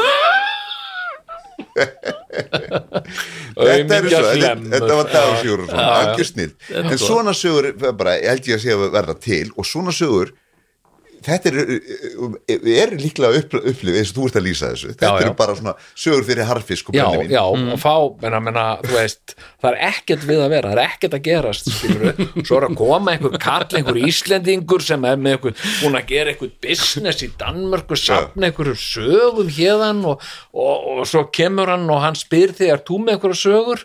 Og þá segir þú ekkert, nei, ég er ekkert með einhverju sögur, þú fær ekkert brennivinn og engan harðfisk. En ef hann, þú veist, þú færð að sleppa það er, það er alltaf eitthvað að gera. Já. og uh, þú átt að vera þú átt að vera bera hérna átjón tonn af grjóti sem á að færa hérna eitthvað. Og þú segir réttur upp hönd og segir, heyrðu, ég kann fullt að sögum. Er í lagi að ég, já, fara þá. Og þú færst frí úr vinnunni til að segja sögur, þetta er það sem ég gerði alltaf í Ég veit það. vinnuskúrum Heyrðu, ég átti forföður, ekki forföður hann var af að langaða bróð minn hétt Olger bjó Stokkseri já, hann var sögumæður og hann var að glíma þetta vandamál. Hvernig breyti ég pening? Sög, sögunni minni pening. Já, og hann já. vildi ekkit borga fyrir skemmtættir á þessum tíma. Þannig að hann sagði bara að hann vildi brennivín. Og mennum fannst alveg sjálfsagt að borga um brennivín. Já það er uh, og, og svo gerði hann það og þessu líst ég að hérna, Ragnar í Smára eða Haldur Lagsnes kom í heimsótt til hans Já. og þeir vissu að hann, þeir eru það komið brennivín. Og þeir komið tvær flöskur, hann tók þær já, settar inn í skáp og lokaði síðan byrjaði hann að tala og sagði þeim sögur. Já, já, og þeir fengu ekkert að brennivín svo seldi hann þetta brennivín Já. setna þegar var þurð og, Já, og, og, verði. hann var búin að finna milliðin hann var alvöru sjóbusinessmaður já, og þetta var leiðin. En, en hvað segir þú, Benni, um sko, hérna uh, sko, að því að nú voru að segja, veist, það það er engin greinarmunur uh, á íslensku gerður á, á story og history. Uh, á Íslandi er allt saga. Og Íslendingasögur uh, voru lengi vel uh, sko ígildi sakfræðilega heimilda. Það er að segja og við höfum oft vísað í fornrit uh, heimildagildi fornrit eins og landnámabók og, og, og, og, fleiri Já. og hérna hvort þetta hafi gerst og heldur, hvað heldur þú með, með eigilsögu, heldur þú að eigil uh, hafi verið raunveruleg person, heldur hann hafi uh, Já, verið ég, ég held að þessi sko, sko sögulegur veruleiki já, sem sagan sprettir, sprettur úr Já. svo er þetta mótað í frásögnum og, og hérna og, og tekur einhverjum breytingum og einhverju, einhverju skáldaleifi en, en raunverulega hafi er þarna þú veist einhver sög, sög, sögulegur raunveruleiki. Já, það er og, og svo, svo er, færist, er þetta fært í letur. Ég, ég allavega, ég trúi því og, og hérna, og mér finnst miklu skemmtilegra að líta á sögurnar þannig. Ég, Já, já, en ég verð líka að segja að þú veist, þeir sem skrifuðu niður sögurnar þeir líta á þetta líka þannig. Þeir trúðu það verðist vera fyrstu viðtakendur og skrifarar séu ekki að skálda sögur nei, þeir, þeir selja söguna sem sanna sögu. Já, en þeir eru líka skrifana sé 200 niður eftir einhverju frásög einhvers sem fekk brennivín. Já, en býttu en býttu ekki bara það heldur tala þeir um sagfræðilegt gildi. Snorri talar mikið um það að hann segir já, þetta Já, hef ég gegn fróðum mönnum og vitru fólki sem mundi og Ari, hann mundi þetta og hann var alveg upp að teit sem bjó, var hjá Halli og, og hann er rosa mikið að selja sínum að þetta já, sé já. satt. Þetta er, og já, já. hann er að selja það alveg og, og, og, og svo vísar hann í skáldin en það er að- sama á mokkin gerir sko. Já, nákvæmlega. Það er saman að, þarna ertu með þarna veistu að gæin þarna 1240 eða 60 Já, já, þetta já, já. hann er að selja lesnunum að það sem hann er að segja er satt og En það er sko- allavega hægt að segja þá ef hann er höfundur eigilsögu sko, þetta er Já. ekki bara veist. en svo er auðvitað eins og við vitum minna, þessi fundur okkar þegar við förum hérna og segjum þessa sögu hvernig Já, já. ég talaði við ykkur það var að það já. versjónur af því sko. já, já, einmitt, jú, það er sko hérna uh, sko en, en það sem er svo merkilegt við eigilsögu, nú, nú las ég hana sem uh, sem unglingur. Uh, sko, hún er, hún er talin uh, fyrsta Íslendingasagan. En það sem er líka svo merkilegt við hana, ólíkt mörgum öðrum sögum, þá gerist hún að mjög takmörkuðu leiti á Íslandi. Að sem að, sem að sko fólk gjarnan sem, sagt, sko, sem hefur ekki lesið eigilsögu það heldur að hún gerist það áttar sig ekki á því, ég hef oft uh, rekkið með á það sko.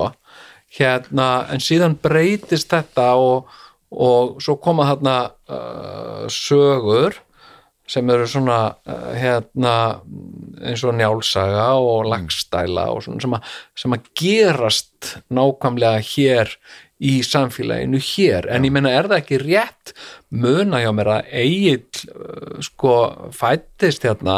Já, hann er fyrsta kynnslóð ha, hann er fyrsta kynnslóð Íslendings. Já, Já. fyrsta kynnslóð Já. og, uh, og hérna hann er mjög ungur þegar hann fer hérna já, uh, og, uh, og er síðan bara meira og minna á flakki um uh, Norðurlönd og Já. Já þá hann hann kemur aftur hérna sem gamall maður já, Holland og Frísland og allt já, það. og, einmitt og hérna Já, hann er náttúrulega non grata í all, allt sitt líf sko Já. og, og er þar í stu, alltaf í stuttustund og endir í þessum átökum og en jú, jú, millikablarnir eru þarna hér heima Já, og hann já. á þetta langa periodur heima það sem ekki mikið sögulegt gerist þess vegna er ekki sagt frá þeim já, já, já, en já. ég, ég veit ekki hvernig þú setur þetta upp á æ- ævi kvarðan sko, hvað, hvað, hvað mikið hann er á Íslandi og, og náttúrulega í, í lokin. En, en hérna já, ég sko ég fekk ykkur að frábæra hugmynd, ég er búin að gleyma henni. Það var eitthvað varðandi þig og Egilsögu en allavega eh, en hann er sko hann er f- saga um fyrstu kynnslóðar Íslending. Já, og, já. og það segir mann líka hvað þessi fyrsta kynnslóð er mikið á reyfingu já, þú veist, það er hvað mikill samgangur er. Einmitt. Og hann já, á skip sjálfur og þessi fyrsta kynnslóð sem kemur á skipið á skipin sín. Já, og einmitt. Það er svo skrítið hvað þetta fljótt tapast. Hvernig bara enga leifið á að fyrkla til Íslands fyrir til Noregs skilur þú? Einmitt. Þegar ég meina á Já, Sturlungöld strax þá, er- er- þeir eru ekki margir sem eiga haffæri skip, þetta eru normenn sem eru bara sjáum dílinn við Ísland einmitt, og já, já. björgvinar kaupmenn eru svona fyrstu einokunar gæjarnir Já, já, en það eru líka svona ákveðinir svona skipakongar sem að Já. leigja skip út til ákveðina siglinga Já. gegn einhverjum hlut af einhverjum hugsanlegum ágóða og eitthvað. Já, já, já. En ég menna líka bara eins og eins og allir með sko uh, uh, hefur verið bent á að þetta hefur ekki verið sko það að eiga haffært skip Já. á þessum tíma sem, sem gætt silt frá Noregi til Íslands var ekkit ósvipuð fjárfesting og eiga slíkt skip í dag. Já, já, þú veist þetta var sva, þú veist, svakalega stóra áhöfn til að sigla þessu. Uh, og þú þurftir að halda þessu 7-12 manns minnst sko. Ha? 12, 12 manns Já, minnst, tólmann áhöfn 12 manna þú eða sjö. þurftir, þú þurftir að halda þessu við Mhm. og síðan þurftir að verja þetta líka fyrir einhverjum öðrum sem og sjáðu, ásjáðast og til þetta bara að smíða skipið þetta er ekki Já. hvaða tré sem er þetta er hægvaksi tré Já. sem vex ofar sem sagt, upp, í, upp í fjöllum hérna Norex mm, Já, já. það má ekki vera eitthvað svona hvað sem er, svona hraðvaksið það þurfa árringirnar að vera þjettir og svo er þetta, þú ert að smyrja þetta með, með helst rostungsfeitu Já, já. sem bara sem er best og reyðarnir eru rostungs hérna, leðri. Já, já. það er, það er eina sem virkar í, í sjónum og það skilurðu. kemur allt frá Ísland Já, og Grænlandi. þetta er alveg sko, enda er þetta, þetta er veiðustöð ég menna Reykjanes heitir Romskvalanes. Já, já, þetta er, þetta, er, þetta er málið og hversuna þú veist eins og Bergsveit segir af hverju flytur hérna hann hérna svarti vikingurinn sig, hvað heitir hann aftur?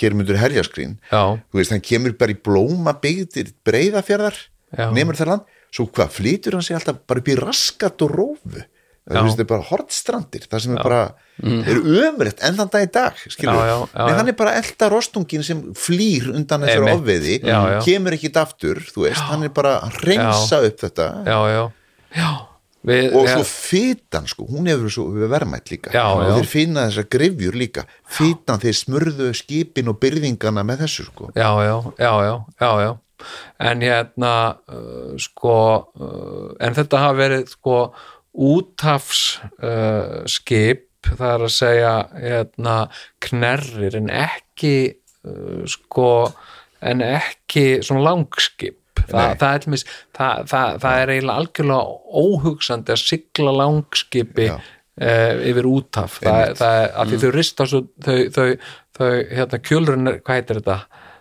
Þau, þau, þau, þau eru svo létt og, uh, og hérna þau eru eiginlega meira sko, hönnum til þess að fara upp ár já, á og, og ræn og drepa og svo er ekki að snúa, er ekki að snúa þeim þú bara flyttur stýrið Já, já, snýr já. seglinu og siglir tilbaka. Já, já, og þau eru sko það sem að líka svona hernaðarlega þegar ég uh, les um sko hérna bardaga hérna uh, norræna manna uh, sko hérna sjóbardaga eða árásir á land að þau eru svo rosalega hreyfanlega þessi skip. Já, á meðan að önnur skip hætti eitthvað langan tíma að snúa þeim 30 gráður þá er þessu bara snúið örsnött og, og, og, og þau eru svo mörg. Langskipin. Þetta eru, já, Já. Þau, eru, þau eru kannski 50 langskip og, og, og þetta er svona ákveðið bara blitzkrík þau eru svo snögg að þú hefur ekkit róð við þau.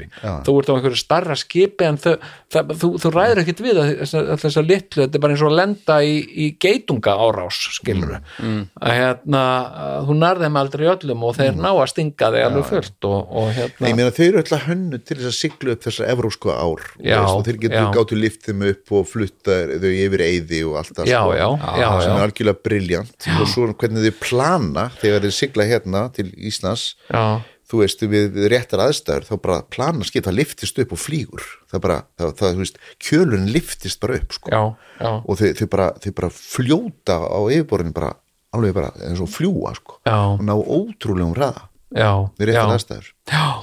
Nei, það er hérna sko, þess að ég held að svo upptekinn því kemur svona árósa til þess Já. að guðárós í borgarfyrði Já. eða allir þessi árós og leirólós menn veit, ég veit sko, þeir, þeir tóku það upp í ferskvatn bátana. Og að því að þeir, salti var svo vond Já, og svo, svo og til dæmis á Reykjavíkutjörn það hefur verið vikingabátar þar. Já, já, þeir hafa já, já. geta fleitt, fleitt skipunum sínum upp í tjörnina. Einmitt. og svo hafa þeir verið með veist, ballestina eða hérna, þingdina já, grjót. Og, Mm. og það er líklega verið granít steinar frá Norri einmitt. skilur Mhm. og þeir eru að, að sko losa ballistina ef þeir koma, þeir líklega náttúrulega hefur komað þeir dreklaðanir alltaf og Já. notaðu þetta þeir notaðu þetta, þú veist, vörurnar sem ballest eins mikið og þeir geta já, og þurfa þá kannski stundum að losa skilur ballestina og taka setja vörur í staðinn. Þannig Já. að ég er svo alltaf spenntu fyrir að sko finna grjót frá Já, í já. stöðum sem er gömur ballest sko. það, ég veit, veit að það hefur fundist sko í færium uh, uh, grjót Já. frá því uh, um og kringu þúsund frá Grænlandi já, sem hefur líklega verið notað í ballest sem Já, hefur verið hent þar í fjöruna og, og hérna en sko uh, En svo ætlum ég bara, talandi um tungumálið má ég bara beiti yfir, þið vitið þetta haf, það sem þegar sagt er að það sé eitthvað sé mikið í húfi já, nú er mikið í húfi. Já. þetta kemur frá vikingaskipinu að 11. borð talið neðan af kili var þykkar en önnur borð og kallaður húfur. Af því að þegar skipið er aflestað þá, er því, þá fer það upp í fjöruna eða það fer undan því og það er því er hallað já, niður á síðuna og þá lendir það á húfnum sem er eins og stór fjöður. Já, og þegar hann svignar mikið og verður mjög flatur undan allir þingd skipsins þá er mikið í húfi já, það er mikið í húfi já, þá er skipið alveg bara þungt Ah. og, og, og annað er að fara í súgin þetta kemur líka, hugsa, þetta, þetta er ennþá við vitum ekki ekkur, að fara í súgin, eitthvað að fara í súgin Mhm. súgur er, er verkfæri sem, sem er svo naglbítur sem þú, Ah. þegar þú ert að smíða vikingaskip þá neglur þú nagla í gegn og setur svo skífu á mótunum Mhm. og klippir með súginum skilur endan áður og hnóðar Já, já. við, við skífuna. Já. Þetta fór í, það sem fór í súgin því, það var brætt upp og búið til nýja naglar. Ah. naglaendarnir eru kliftir af. Þannig þetta er verkværi sem heitir súr. Já, einmitt. Og, við, og þetta er allt arfur okkar frá þessari járnaldar fólki sko, sem er fastur í tungumálinu. Já, og við já. notum alveg já, við notum hugsunarlaust. Ég, ég fekk einmitt, ég var að segja mér frá svona orðum daginn.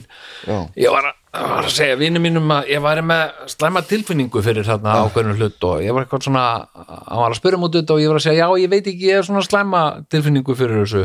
Nú, hvað, var, eitthvað, hefur eitthvað fyrir því? Og ég sagði, nei, ég bara æ, þetta er svona gut feeling bara.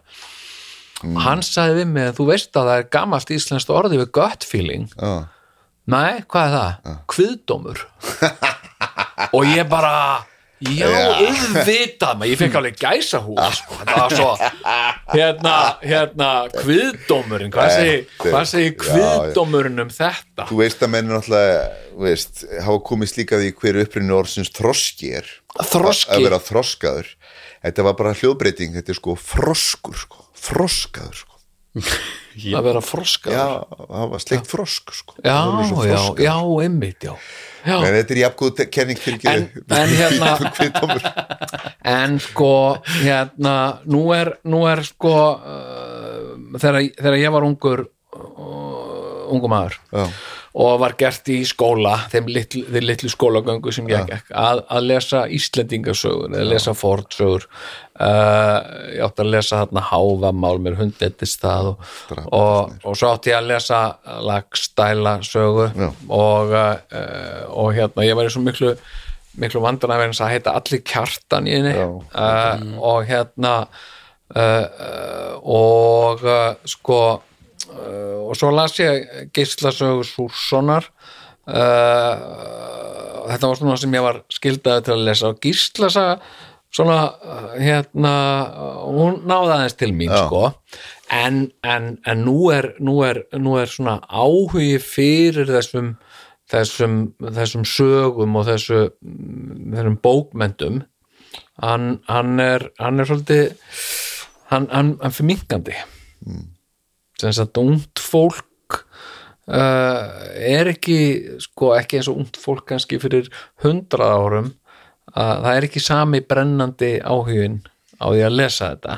Nei, við vilja sjá þetta frekar í ykkur um þátt, þátt Já, við sjá bara, láta gera einhverja þættum Já. en ég meina, hvernig hvernig getum við fengið ungt fólk til þess að, hvað er svona besta leiðin til að fá ungt fólk til þess að ég bara, veist, mér finnst þetta svo ömulegt, ég heyri þessar ma matareislur og íslningasögum í barnabókum þá bara æli ég sko. Ég, sjálfur hef ég staðið í þessu.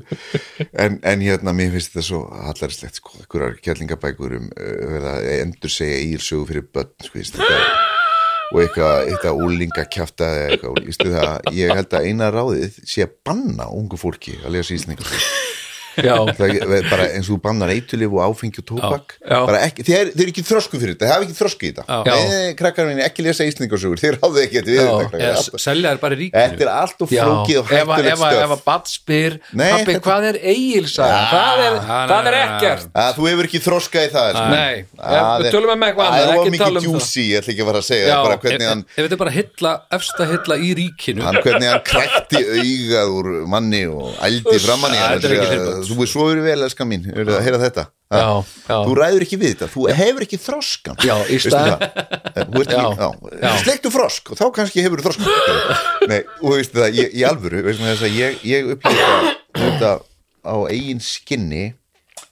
Vegna að þegar ég var að gera ég berði geði orðstungu og svo gerði ég þetta Mr. Skallegrinsson og það auðvitað var gaman og ógislegur hitti Já, og já. skemmtilegast var að, og þegar þú veist það voru blandaðir áhundur sko Mhm. þegar að segja fólk á öllum aldri og krakka, litlir krakkar voru þarna alveg, stóri eigður og hengu þarna með okkur já, en ef ég fekk fucking 15 ára úlinga saman í hóp mm. veistu það þetta er, þetta, er, þetta, er, þetta er ekki, þetta eru apar félagslega eru þau bara Já, já. að pæli hvort öðru. Og í þessu samingi þá voru þau að horfa hvort annað syngur megin í salnum skilur Já, og þau hafa miklu meira áhuga hvort öðru. Og þau hafa ekki þroskan í þetta eitthvað er einhvern sögum skólinn búin að pína mig hingað eitthvað, eitthvað skóla kjafta skilur allar veit fórsendu voru rangar skilur og þó ég var með æðislegt sjó sem allir þótti skemmtilegt bara fyrir þennan aldursóp við þessar aðstæður gengur ekki. Nei, bara nákvæmlega. ekki reyna þetta. Nei. og ég held til dæmis í, í allir skólakerfinu, jú, kannski menta skóla loka ári þá kannski máttu uh, lesa íslendingasögu. Ef þú, ef þú hefur staðið vel og, og hefur áhuga á því. Já, þannig en ég, ég held að það ætti bara einhvern veginn að þessi miklu meira sexy sko, að gera bara svona. banna þetta. Banna þetta. Banna þetta og, uh, og jafnvel sko refsa börnum sem eru gripin með handrit. ég held það þessu. Já, og láta- sérstaklega allar styttingar og vera einfalda hluti, ég held að Ármann Jakobsson segi mjög sérstaklega frá þessu sérst, frá þessu að eitthvað var að lesa þeir voru fyrir að lesa fyrir þá þarna tvíbura nördana hérna, Jú. þeir voru litlir Já, já. og það var verið að stytt eitthvað og einfalda eitthvað sem, ættartölutnar Já, sem fór óskaplega í töðan að þeir hefðu mestan á þeim og komast í feitt sitta þeir fóru að lesa já. sko. A- a- þú veist, þú veist hvað veist þú? En, en sko og, þannig ég skjótu nú bara inn hérna í lokina aðeins með, með kathólskuna sko ættatölur, þetta er náttúrulega beint úr biblíunni sko. Oh, já, einmitt. Eins og engum hafi dottið að rekja ætti sínar fyrir kristin menn kom til sögunar þetta er svo mikið bull, þetta er svo sjálfhvert. Kristin er svo sjálfhverf skilur, alveg eins og fræðimenn er svo sjálfhverf já, já, já, já. Það var allir bara á að sjálfum sér sjálfum sér í sögunni veist, já, já, já, algjörlega. En uh, Benni, við ætlum ekki að halda þær hérna í allan dag. Já, þegar þú lofaðir að hafa mig í tvo tíma hérna. já, já að en ég veit ekki, ég er náttúrulega bara já, ég, ég, ég, ég hef í smíðum heimildamind um störlungu sko störlunga er náttúrulega bara dagbók mafjósa sko, sem tók í borgarstriði já, og, og er magnað að- að að- mögnuð heimild og auðvitað. En hérna ég var með þessa hugmynd um 8 þáttar serju þar sem ég sem eins og, og rannsóknlörgnumæður er bara á vettfangi glæpa um, og skoða og endurgera glæpin á vettfangi þeirra bara 800 árum of skilurðu. og tala við bændur og búaliði sem búa á þessum leikil stöðum og, og við tökum ykkur svona ofbeldis atbyrð og segjum sagt, frá aðdraganda hans og eftirmála. Og þannig rekjum í gegnum sagt, sögu uppgang kvamsturlu og fram til örlegstaða já, og þarna er, er þetta, þú veist, allt, þú veist, sögðafellsför og, og hérna dráp Þorvaldssona og deildartungu málin og allt þetta sem, þú veist, snorri kemur inn í og alls konar hlutir, já sko. uh, ertu að meina að gera þetta þú veist svona uh, uh, sagfræðilegt eða svona frásögn með, leik, með leiknum atriðum inn á milli? Nei, Nei. ég ætla að leika allt sem er leiki, leik ég já, þess að ég er að tala við menn ég er að leika sjálfur já, uh, uh, og endur sig eins og sögumæður eins og ég gerði hérna í Já, já, já, og ég nota teiknumyndir ok. Og svo læt ég bændur og búalið í lokin uh, leika bardagan og útdeili spjótum, skjöldum trésverðum og öxum milli manna. Og, og, og við erum kannski í pollagöllum einhver staðar upp á einhverju heiðabrúna að fara að endur gera heiðavín skiptum okkur í fíkingar og hver fær hlutverk. Já. og svo förum við nákvæmlega í gegnum textan vegna þess að textin er svo nákvæmur þegar kemur að ofbeldi Já. hver hjó, hvenar, hvern og í hvaða röð. Já. og með því að fara það er þetta kórógrafira bardagan og endurtakan sem er alveg magna, ég gert þetta við knafarhólsbardaga líka já, já, og þú getur bara eftir þetta. Ok, þegar, þegar þetta gerist þá heggur þú þann og það er merkið þitt til þess að stinga þennan og þá gerist þetta og svo framvegis. Og þannig getur þú búið til eins og bara koreografía ferli. Já, æfir þetta einu sinni og svo er þetta bara action. Og svo bara sérðu bardagan já, já, svo bara já, að leika með sér já, döða og svona. já, já, og þetta er, þetta, þetta er ógstlega skemmtilegt. Ég hef gert þetta og langar að gera þetta í þessu samingi mjög gott. Þetta er mjög spennandi. Ég hérna, sko, mér er oft mér er oft uh, ég er oft saknað þess sko að hafa ekki tækifæri sko uh, til að sjá myndræna tilgerðarlausa frásögn uh, af uh, sem sagt einhverju úr sögu Íslands og, og þjóðarinnar.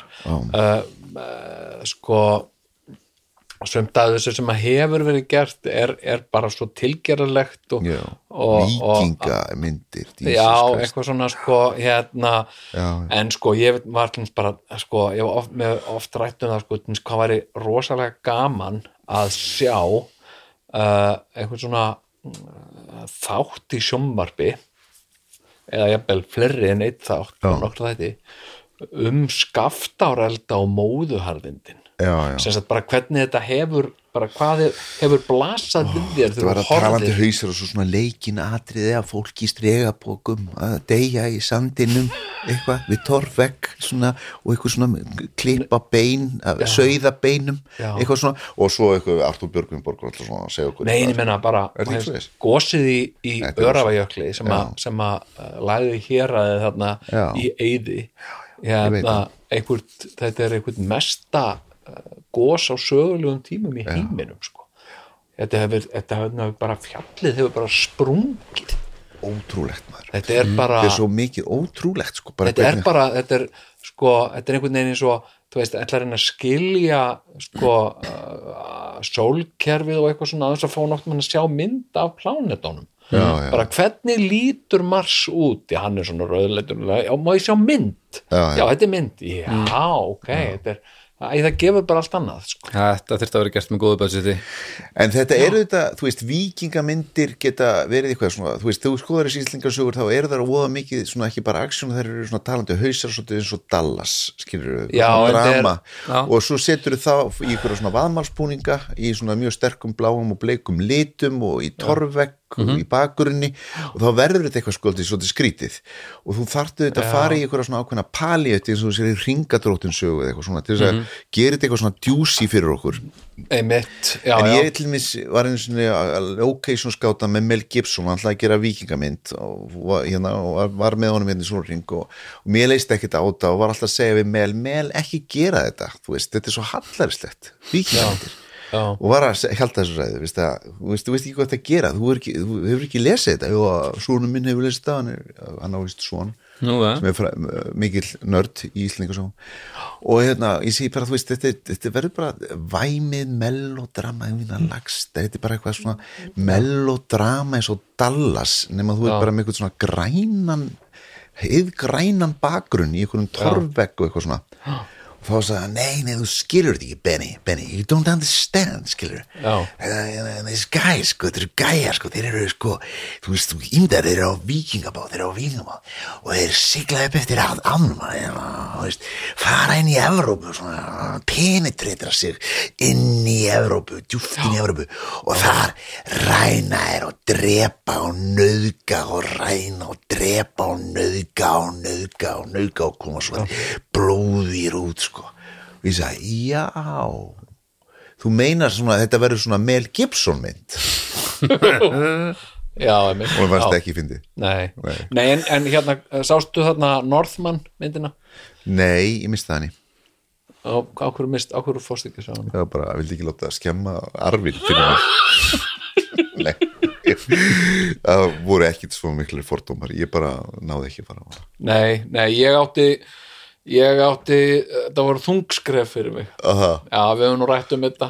Var þetta Ég er erfitt ekki með svona sko. ha, Ég er ekki sinna Nei, þú ert ekki sjá hana. Við rættum einhvern veginn um þetta hérna, hérna og uh, fengum hérna lesendabref einmitt, uh, hlustandabref sem send, hlustund sem, sem send okkur. Send okkur sko hérna umkvörtun um, um það umfjöllun mína um Norðmann. Já, að hérna, hérna uh, sko uh, uh, það er einmitt sko þetta uh, þetta uh, svona guiding light uh, sem, að, sem að margar af þessum sögum eru sko, eru einmitt þar svolítið bættar upp með með.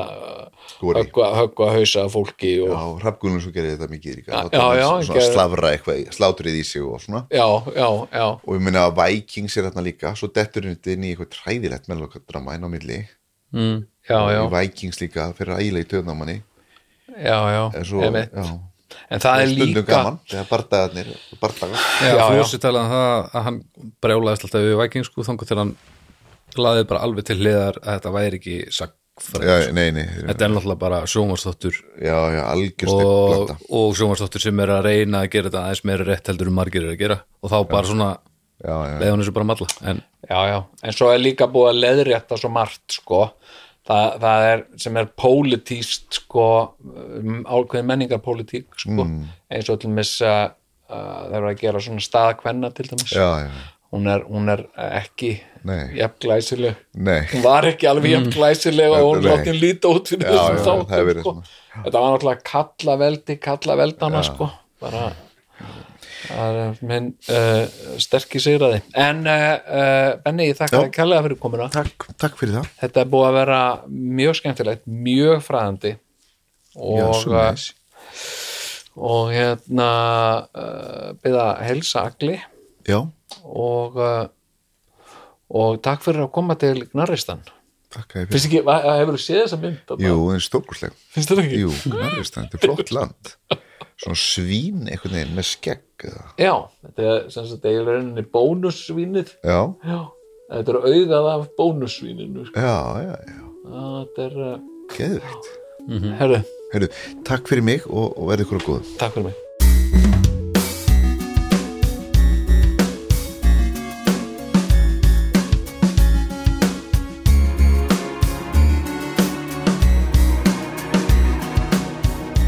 Ó, þetta var uh, svakalegt spjall jöp, það var við að koma við. Já, ég þurfti að hafa með allan við sko, að því að, uh, ég er nú, ég er nú uh, svolítið þreyttur og steiktur sko í hausnum mínum. Mm.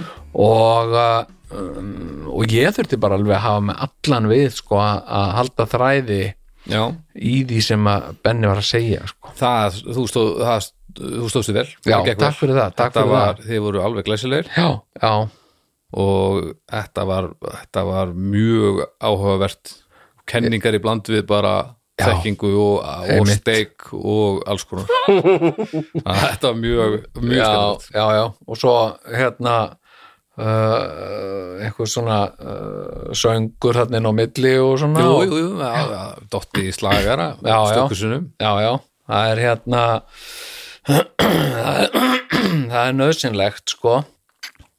En mér fannst samt sko hérna uh, mér fannst samt sko ennþá ósvarað svolítið, jú, jú, ég kaupi það alveg. Snorri Sturluson var var uh, hérna uh, uh, sko business kall og og, og sá einhvern hagið í að að gera svona bókabusiness mm. eða sögubusiness. En sko og svo er náttúrulega heyri ég það, veist, og Benni er svona einhver svona, hann hefur einhver fordóma eða hortni síðu káðsú í kirkjunni, ég veit ekki af hverju það er. En, en hann var ekkit rosa hrifin af því að vera að eigna kaþólsku kirkjunni neitt heiður af Nei, ekkert sérstaklega. Nei, og þú frekkar því. Þannig að þetta, þetta hitt- hitti mjög vel á myndi ég segja. Já, ég nefnir að ég, ég hérna uh, sko mm, ég veit að það er í því sem er Íslendingasögur því sem er íslenskar fornsögur það er eitthvað secret ingredient þarna sem enginn hefur geta útskýrt fyrir mér hvað er. Mm.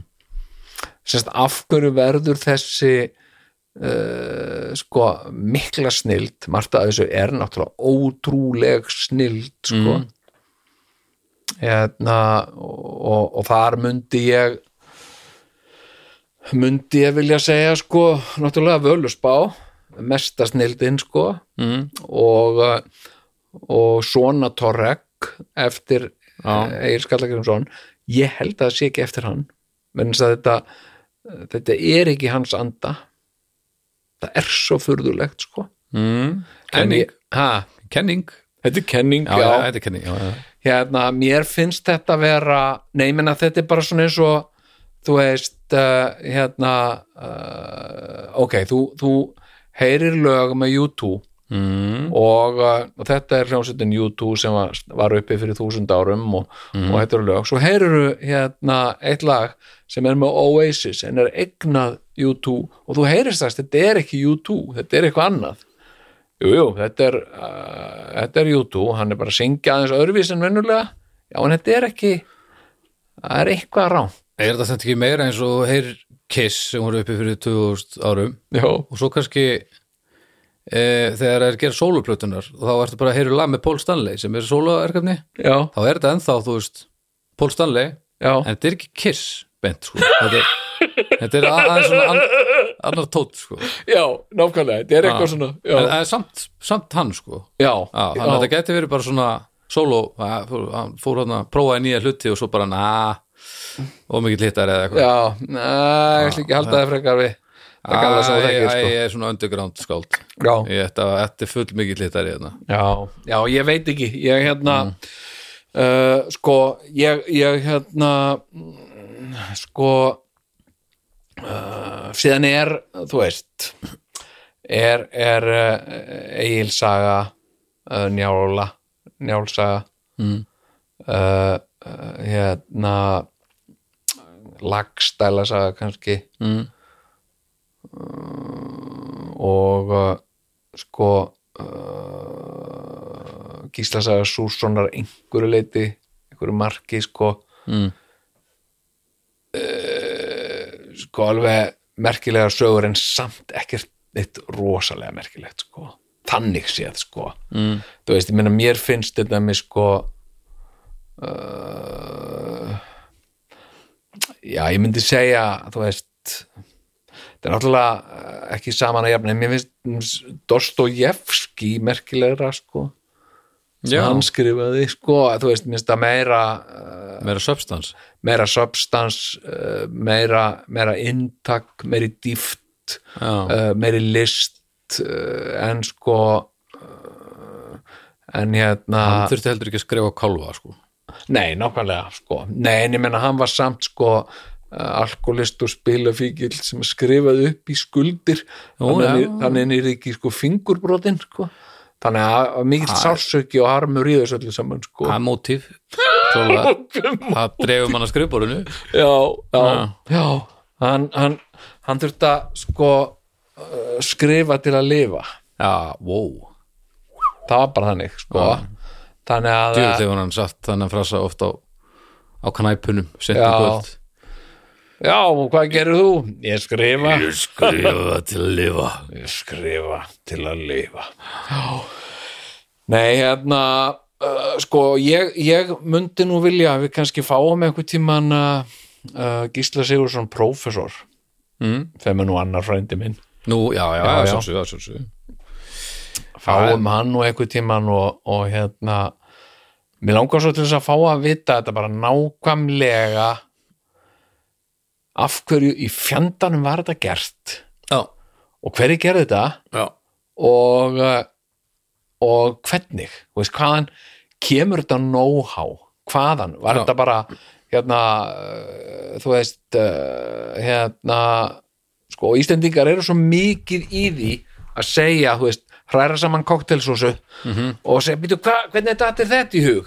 Ah. þetta er nú bara svona amerísk sósa sem ég var að stæla, segja það ekki þeir segja, ég fann þetta já. Þetta er mín sósa? Þetta er mín sósa. Og endilega fáið ykkur meira. Já, hérna og hvað, þetta er svo einfalt og samt svo briljant, hvað er í þessu? Það er bara tomatsósa majónes Mm, búm. Ég er kokkur en uh, hérna uh, já. Þetta Nei. er gott. En, en sko, já, mér finnst svo finnst svo hérna áhugavert sko, uh, ég vildi nú ekkert vera að því að við vorum nú með hann hérna í spjalli, ég vildi nú ekkert vera breyta þessu í viðtalið þig. Sko, en mér, lang, mér var svo áhugavert þú veist, hvað finnst þér hvað finnst Baldri um þetta þennan uh, sko uh, þennan norræna tón þennan skandinaviska tón. Já, sko, ég hérna uh, sko uh, mér finnst eitthvað svona sko mm, það er eitthvað já, eitthvað sem að maður ég, einmitt, ég skil ekki alveg sko, skandinaviska tónin sko, Nei, sko þú veist, rímurnar eru svolítið okkar. Já, já. Sem er uh, þetta er skemmtilegt sko. Uh, ég hef ekkert kafað eitthvað rosalega djúpt í það. Nei. En að Gunni sem er mér í skálmöld hann er búin að uh, skoða það alveg slatta. Og er til upptökur. Já, og það farið um landið og, og tekið upp fyrir ansi löngu síðan. Já, þannig að það er til uh, alls konar dót þaðan svo erum við, þú veist, 500 söngurinn er einhvern veginn svolítið íslenski tónnin þar sem að laglínunar elda, sérst, laglínunar eru eins já, nema önnur byrjar á hum og hérna á 500 hum. Já. Þannig þú veist að þú ert með góða mamma góða mamma gefðu mér mm góða, góða mamma gefðu mér. Já, og svo þegar þú setur þetta saman þá kemur rosa sérstakur tónn í þetta. Já, um, já þannig að ef ég get og þá verður það svona. Góða mamma gefðu mér. Og þetta er saman. Núna var sett ég þetta saman já. Já, Ég- þú heyrðir það ekki að því að ég gatt ekki gert þetta bæði einu að því aha, að einmitt, já, já. maður. já, já, já, já það er hérna uh, einmitt undra heimur tækninar Já, segðu, nú svo bara voni ég hefði haldið takti, en já, það er svona íslenskt og, og, og mitt skattir að vist já, já, en svo er einhvern veginn svona yngri þjóðlega hefðir, þetta mér finnst þetta allt stórkoslegt já, bara, já. bara þjóðlega tónlistin í skil ekkit rosalega mikið hvað er að gerast tónfræðilega því ég er ekki alveg með þá þekkingu. Nei, en nákvæmlega. þjóðlega svona, tónlistin hefur glatt mig frá því mann eftir mér sko. Já, já, ég sko uh, hérna uh, mér hérna uh, fannst eitthvað sko uh, þegar að ég var að reyna sem sagt, ég var að reyna að finna mér eitthvað svona músík sem ég hefði gaman af Mhm. uh, uh, að þá sem sagt skoðaði ég allar deildir og, og einn vinur minn hann var að hlusta mikið á svona írska tónlist Chieftains já, og Dubliners. Jú, jú. Og, og Chieftains og, og, og hérna og var ekkert mann að spila þetta fyrir mig og mér fannst þetta ekki skemmtilegt en það var samt eitthvað við þetta. Það var eitthvað svona Þetta er skemmtilegt sko. Já, Ég hef hlutbúin að hlusta alveg slatt á þetta sko. Er saðalega og já, Tíftins flautur sko. Já, já, já, já, já. hvort sem að ég svo sem að Tíftins er náttúrulega ekkit framlegt í kringum band já, ég veit ekki, allavega svona, svona skoskar Já, stál. þjóðlega flautur, það er úkislega gaman að spila þetta. Já, ég, ég hérna uh, sko, það er einhvað það er einhver svona uh, eitthvað melodrama í þessu írska sem að mér finnst líka einhver svona mm, uh, tenging sko uh, hérna við Skandinavi og nú er ég að hugsa sem sagt, nú þarf ég að komast, ég þarf að skoða sem sagt uh, þjóðlaga tónlist í Hebrides eigunum þarna í, ha, Hebrides þarna á, já, ég, nú var ég bara munna það, ég verða, ok. verða að kíkja á þetta. Já, kíkja á þetta. Hebrides, þjóðlega tónlista þú voru að kíkja á þetta. Ah, Já, nei, Það þetta er hérna uh, þetta er sko svona emitt þetta, þetta að að uh, sko tjá sig í, í hérna tjá sig í söng mm, en um leið að uh, varðveita eh, einhverja hluti já, og það er náttúrulega þannig að maður mann hluti betur um að syngur það og það er bara þannig. Þess vegna kennum við börnum oft um, að munna hluti með söng. Já, já. bara þekktast náttúrulega bara uh, uh, hérna A, B, C, D, E. F og setna tómlerir með lótukerfið já, já, einmitt. þannig að þetta og hérna, já hérna, hérna A, bjúns, F, nó, þrjá, tíu, hver. já, Eitt til hinn er kjósa sér. Februar, tvenna, fjórtán, ber já, Nema þegar hlaupár er, já, einmitt þá rétt já, þannig að sko uh, fólk hefur náttúrulega aldrei skert það í gamla daga maður Já, já, já. Það var engin leið að ekki gastu rist niður rúnir. Maður tók alveg uh, mánu þá varstu búin að gleyma því sem alltaf já. að rista sko. skrifa, settir ekkit á, á, á súrtununa nei, Eitthvað þú varst bara að muna þetta. Nei. bara bara að hafa þetta eftir sko. Hérna, herðu, en erum við ekki bara góðir í bili? ég held að. Ja, hlustendur sér ekki var geggja, jú, þetta var frábært spjallið Benna Bombu og Já. við erum bara í góðum málum. Benny Bomba. Já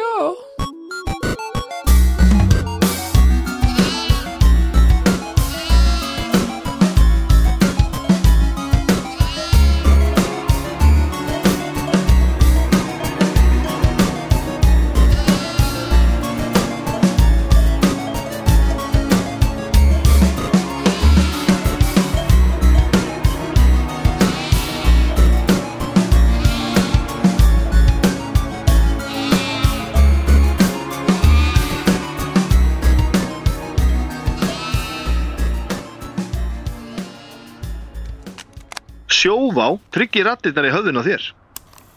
Sjóvá er sérlegur bakkjarl hljóðkirkjunar.